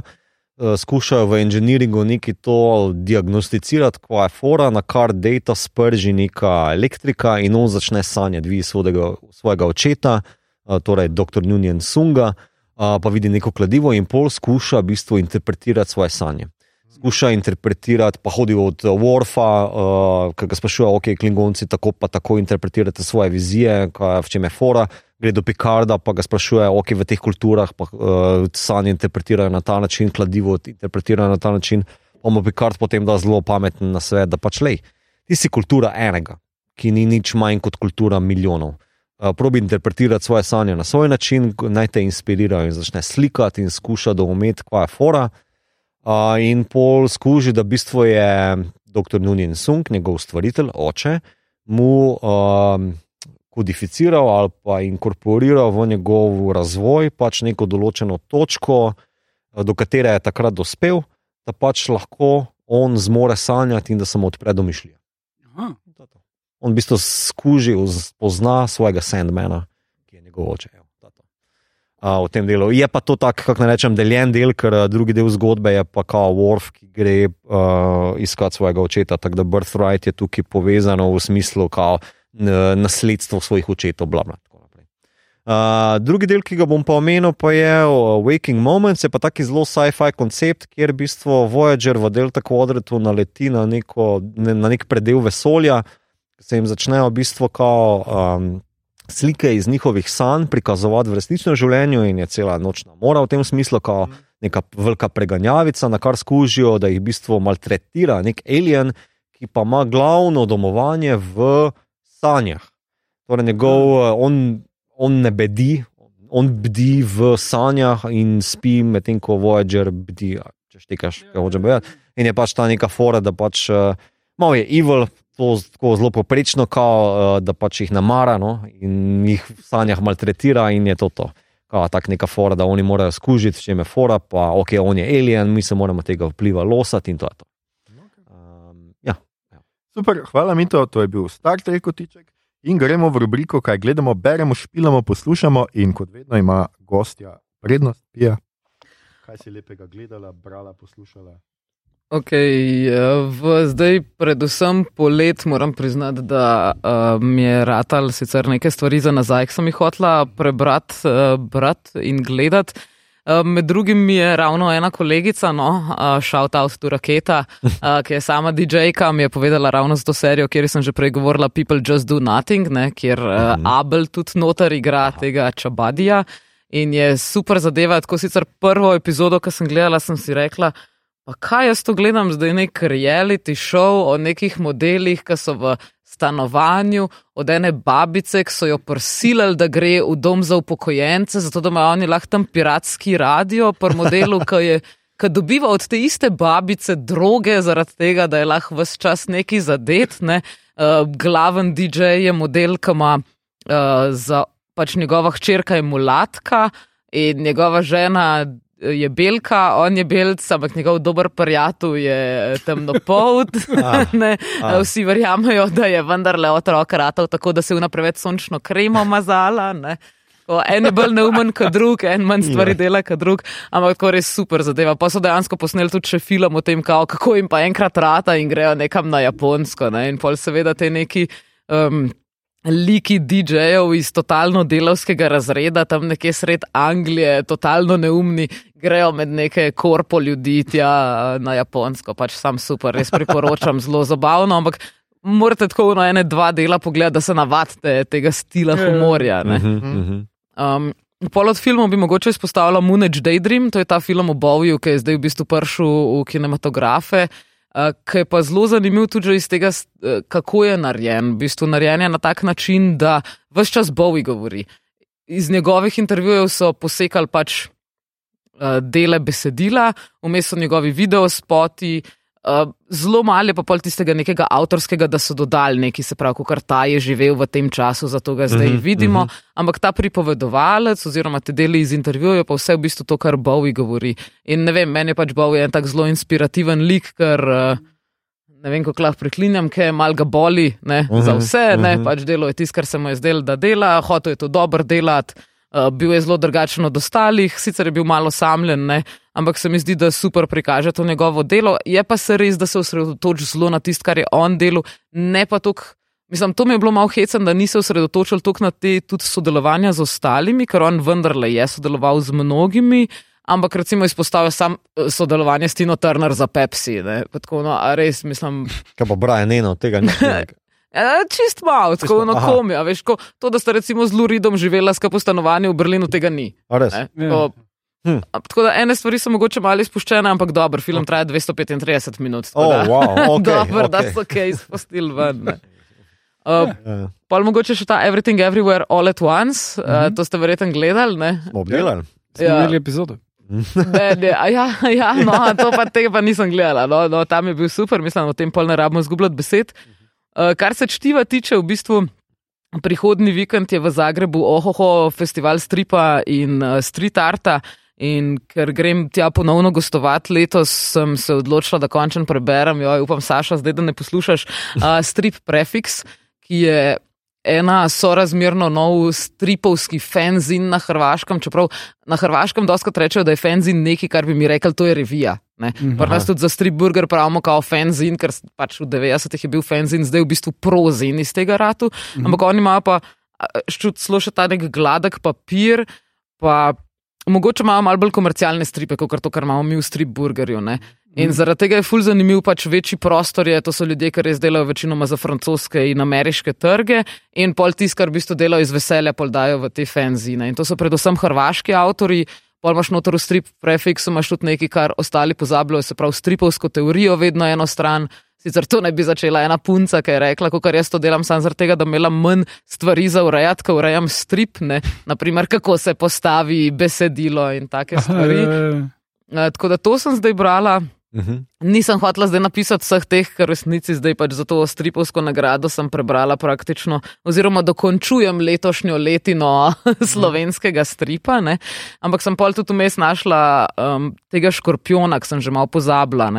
Pri studiu Risar je šel leta 2015 in je tudi tako neki, kot kar. Mal tak misterij zgodovinski, on je v bistvu nek sin, ne ve se od koga, predvidevamo pol v nekem trenutku, da od enega crkvenega veljaka, to so časi, ki je pač, uh, kot je bila Borđa, ne, narejena mm. Borđa, pa da Borđa, se pravi, no, ki so delali uh, svašta uh, crkveni veljaki, sam ne tistega, kar bi mogli delati. In v tem je ta škorpion, ki v bistvu prodaja stare relikvije in hoče najti uh, ta, hoče v bistvu pač. Uh, se upreti temu, ki postane zdaj papež, uh, hmm. potem začnejo predvidevati, da to je vendarle njegov oče. Žalost pa je ta, da niso vsi deli prevedeni v slovenščino. Prav imamo samo dva integrala, tako da uh, hmm. pri teh sem pol končala in pa sem se spomnila, da sem to že enkrat brala, ampak sem pozabila na to. Ampak še vedno niso prevedeli od takrat, no kaj več kot teh hmm. šest delov v integralu. No, zanimivo. Uh, Igor, ti si na vrsti. Uh, ja, najboljši film, ki sem ga gledal poleti, je Veliki diktator. Uh, Charlie Chaplin, kinoteka je imela projekcijo, uh, pelil sem hčerko, ki je bila čisto navdušena in je potem tej fake nemščini vsake toliko začela razlagati, kar je bilo potem malo okvart, ko smo šli na Dunaj. uh, ja, ampak krasen film. Mislim, to mislim, da bi vsakemu pokazal, ki pač reče, ek filmi ali pa katerkoli popkultura naj nas zabava, naj ne bo politično fuck it. To je bilo tako hardcore politično. To je prišlo ven, nastalo v času, preden so ZDA šle v vojno. Ko so imeli totalno široko podporo um, fašizmu in Nemčiji v ZDA, ko so imeli skoraj šanse, da bi izvolili predsednika, ki je bil prijatelj od Hitlerja. Uh, Kateri je bil to, oprosti? Uh, Lindberg. Uh -huh. Aha, sta bila pa Ford. Uh -huh. uh, bi bil podpredsednik, pa Ford je bil zelo velik oboževalec uh, Hitlerja. Uh -huh. Tako da naslednjič, ko se usedeš v Forda, se spomni na to. Uh, no, tega še nima, tako da te. Zarota proti Ameriki govori tudi o tem. Ja. Uh, no, skratka, to je res, res dober film, no? uh, pa zabaven. Uh, potem pa dva filma, ki jih ne gledate. Uh, DC je velika super ljubljenčkov, to je tako neumno. Mislim, ima par smešnih trenutkov, ampak dejansko niso toliko vezani na to, kakršno koli stripovsko ozadje je tukaj, ne? pač ker to je pes od Batmana, pa želva od Flasha. Glej, ne, želva uh, od Flasha. Ja, Flash ima želvo, Wonder Woman ima pujsa. Ja, uh, kakorkoli. Ja. Uh, v bistvu tisto, kar je bil skrivno življenje hišnih ljubljenčkov, uh -huh. to je ripov tistega, uh -huh, samo uh -huh. da pač dodajo malo kao teh stripovskih not. In, ja. Yeah. Uh, Prvo sem gledal, ker raki pojejo, kar je priredba knjige, ki je zelo popularna in film je grozen. Uh, film je poštirkan, čist v nulo, tam oni živijo v, v tistem močvirju, ampak samo v eni sceni je ona malo umazana. Ko pokaže, da gre v šolo, pa jo vrli, da jo bo vrgli iz šole, ne? vidiš, da ona pride malo umazana. Tja, drugače imajo pa vsi fulepe lase, kljub temu, da nimajo nič denarja, hrane ali česar koli in živijo v fucking močvirju. Uh, vsi, ki so zlobni, so inherentno zlobni in jo sovražijo, ker jo morajo sovražiti. Uh, pa, ki so pa temnopolti, tisti so pa dobri, imajo dobro srce, ker veš, so temnopolti. ne? Ja, ja. Mhm. Uh, in, in pol je ena scena vmes, ker mi je malo slabo postalo, ker se tak, z tem, ki se ljubita, se tako prvič pogledata na tak način in začne uh, veter zapiha, in potem je to jesensko listje tako vrtinči okrog njih. Ja, glavno, en kup takih stvari je noter, probam je tudi eh, družbeni komentar, ampak eh, res mislim, ne, no, ne dela takih filmov, prosim. Um, gledal sem Cyberpunk Edge Runners, uh, tako da ja, Tak je. briljant. Brilliant. Uh, to je definitivno tako uh, na nivoju Ghost in the Shell, kar se tiče enih stvari, full hardcore družbeno, nek komentar not uh, glede zdravstva, predvsem pa teh stvari. Uh, full našopano, res dobro narejeno, se mi je zelo dopadlo. Tako da to full priporočam, gledajte, Netflix, tedam. Uh, pa prebral sem en kup knjig, ampak najbolj se mi je tako dopadla od Silvije Moreno Garcia, Velvet was the Night, ki uh, je štorija, ki uh, ona drugače piše neki pač fantastiko, pa to tudi ni nič tega noter. Uh, to je taki noir uh, kriminalka o uh, dve glav, dva glavna enakasta.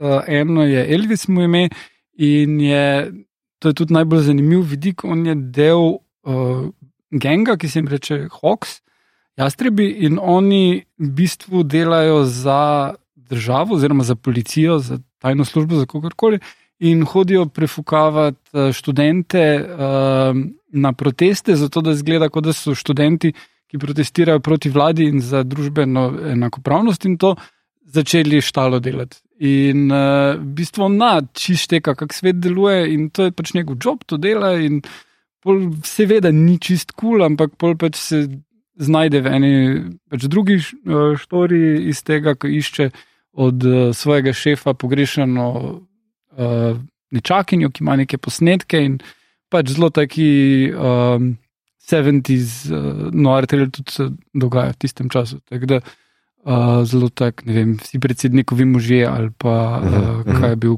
zadnji dnevi, ne koliko dni kondorja. Glavnem to. Ta scena je samo Mexico City, pa ena malo drugačna politična scena, pa zelo vredno narejeno. Hvala, Igor, Mito. Uh, jaz sem pa, jaz sem pa samo eno zadevo omenil, gledam sicer full um, nedokončanih zadev še, tako da bom omenil El Buen Padron, oziroma The Good Boss v angleščini, uh, ki sem pa gledal v kinoteki, to je pa španski dvoru. Pardon, kinodvoru, ja, thanks. Uh, to je pa španski kandidat za tujejezičnega Oskarja. Uh, v glavni vlogi Javier Bardem, za vse ostale pa nimam niti uh, veščine izgovorjave, tako da bom jih izpustil. Uh, ne režiser, scenarist, pa je drugi igralci, ampak full zabavna evropska komedija, ki jo full preporočam. Uh, gre se o šefu, ki ima neko firmo, ki dela tehnice.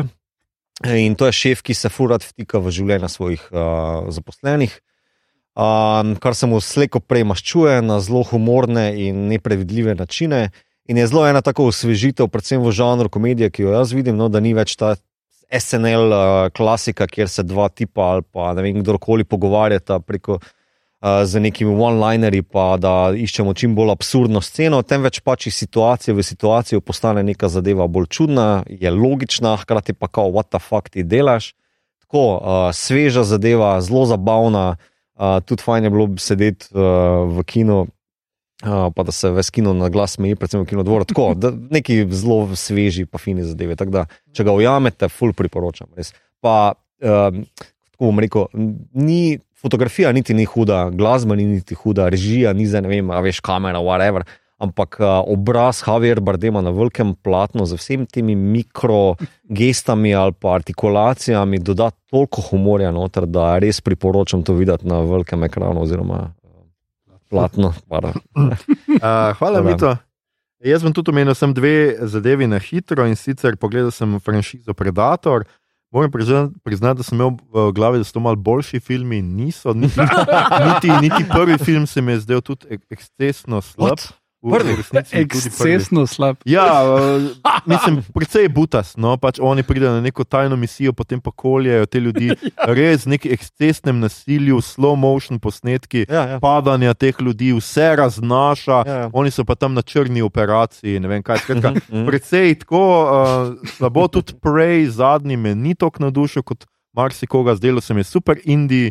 Estetika, lepe pokrajine, ampak akcija slaba, scenarij, ki ga je sestavljal nek res tumpast človek. Ker v eni točki sem naštel, da mu ona tako v eni sceni, bolj ali manj ni en kader, no, ampak ena scena, kjer jo predator lovi, ona štirikrat pobegne po samo goli sreči. Enkrat medved je vmes, enkrat ona pade nekam, enkrat se skotali tisti trenutek, enkrat on točno mimo udari, res, res, res brez veze. No. Hej, hashtag life, stari. Ja, mislim, res, res podcenjevanje gledalca, čeprav je film drugače zelo lep in zelo dobro, tako indij narejen. To, Kaj ja? ja? se ti je pa zdaj Predators? Oh, ti si tudi slab. Res? Ja. Jaz sem ga gledal v kinu in si mi je zdel super takrat. Res. Ampak a to, če smem na hitro, samo vse vem, da se ti modi naprej. Ampak uh, McTiernan je rekel, da v bistvu zakva ta scena sred uh, predatorja Enkena, ne? kjer oni tako blazno streljajo, zdaj sred te tajne črne misije. Ja. ker je dejansko hotel pokazati vse, uh, Fakiča velikim akcijskim filmom 80-ih, kako so oni impotentni, ker streljajo v tisto džunglo, ja. Ja. slow motion, kako se vleče to vse skupaj. Vse štekam, kao scenaristično, je to ful čudno, ampak če pa gledaš tako na ta Ja, ja, ja. način, je pa tako. Ne vem, tudi na njega streljajo tako, res. On strelja tako tri minute noter v neko goščo, kjer nič ne vidiš. A so to profesionalni komandosi ali budale? Prestrašeni so. mirno. Mislim, re, pa prestrašeni nad čem? ja, nad, Ne, ne, nad don. nevidnim starim. Poglej si še enkrat, slabo je narejen. Tudi to, da ti okay. pokaže na začetku predatorja, uniči vse suspens. Zato, ker vidiš, da pride dol vesoljska ladja, vse vidiš, namesto da tega ne bilo in bi ti res imel super, hmm. ker suspens Martina Mhm, hmm. zna graditi. mhm. Hmm. In je super, kako on uvede počasi Mhm, hmm. njega noter, kako ga ne vidiš, potem pa vedno več vidiš. Ampak ti si ga na začetku videl, fertik, kakšni suspens je pa to. Skratka, pustimo to. In pa pogledal sem Primal, ker domnevam, da je zdaj druga sezona tudi zadnja sezona ja, Tartakovskega. Um, super je, um, malo pre. Zamenja lokacijo, gre pač samo iz te prazgodovine, še med vikinge, pa med neke egipčanske um, vojsko, uh -huh. tako da je malo zamenja sete in je tako zanimivo. Več likov je, ni več samo on, pa uh, tiranozavrčka, ampak so tudi še drugi neki liki. Ja, ni pa tako dobro. Ne, mogoče Ja, prva, pač postane malo bolj tako akcijsko, bolj, eh, z, bolj usmerjen v akcijo, kot pa v neke male zgodbice. Pa epizodično se seveda zgubi, ker je vse skupaj že Mislim, bolj je- zgodba. Ker sem tudi pogledal, ne, najbolj Mhm. mi je všeč v bistvu ta zadnji tri, štiri deli, ki so ujetniki na te neki kvazi egipčanski Mhm. ne vem, bojni ladji, kakorkoli. Tisto še mi je najbolj, medtem ko a, to vikingsko iskanje, pa ona borba z njimi, pa a, mi malo šepa, pa a, ta humornost noter, humor je malo. Vse na mestu minilo, uh, pa animacija malo peša na cajt, medtem ko v prvi sezoni je vse totalno tajt. Ja, prva sezona je bila Um, precej boljša, to se, ja. se strinjam, ampak lej, jaz, Ni pa slabo. No? ni pa slaba. No, in pač pogledali smo, in jaz mislim, da je pač zdaj to to. Ne, Ja, kako- jaz ne vidim, kako se bi lahko to nadaljevalo. Za mulcem. Ljudje in ljudje ne boste ali pa boste verjeli, to je bila že naša 131. epizoda. Poslušali ste podcast, ki se oglaša na ime Obot, podcast za serije, filme, risanke, špile in knjigo vseh žanrov od F do Z, ki ga gosti mreža Apparatus.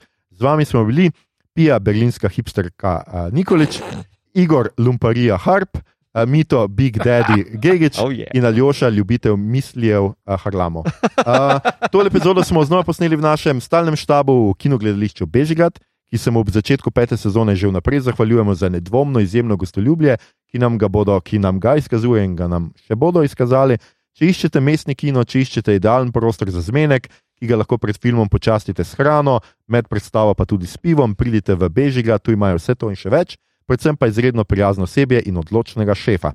A, če vam je bilo všeč, kar ste danes slišali, delite, všečkajte naš podcast, naročite se nam preko vaše najljubše aplikacije oziroma ponudnika podcastov, dajte nam kakšno ceno na Apple Podcast ali Spotify, spremljate platformo aparatu z odličnim izborom podcastov za vsakega. Uh, in seveda, uh, a ja, ne tle spodaj je to prenešeno, ok. Mhm. In če boste v naslednjih dneh intenzivno sanjali in v spanju izgovorili kakšno ime, ki ni ime vašega partnerja ali partnerke, ki si deli posteljo z vami, Veste, da se lahko vedno izgovarjate na to, da je v bližini sanski vrtinec, ki je podrl zidove med vašimi sanjami in sanjami soseda ali sosede. Če pa boste v spanju izgovorili katero od naših imen, pa vam tako ali tako nišče ne more zameriti. Kdo nas pa ne bi? Podcast obot, podcast obot, naši glasovi so raskavi, a vaše sanje so mokre. Na, na Twitterju nas, nas najdete kot ad podcast obot, dajte biti res ne še berem. Na Facebooku okay. in Instagramu podcast skrijemo bot, brez pikice mesec, sicer pa najdete vse pomembne povezave, tudi v drevesu povezav, oziroma na link trio, ki ga najdete na dnu naše objave. Od tega tedna pa tam najdete tudi uh, povezavo do našega Discord serverja, kjer lahko klepetamo o vsem tekočih epizodah, o tem, kaj žanrskega konzumiramo ali bomo konzumirali, sprotnih kratkih recenzijah in še marsičem. Povezavo bomo s to epizodo dali, kot sem rekel, na dno objave.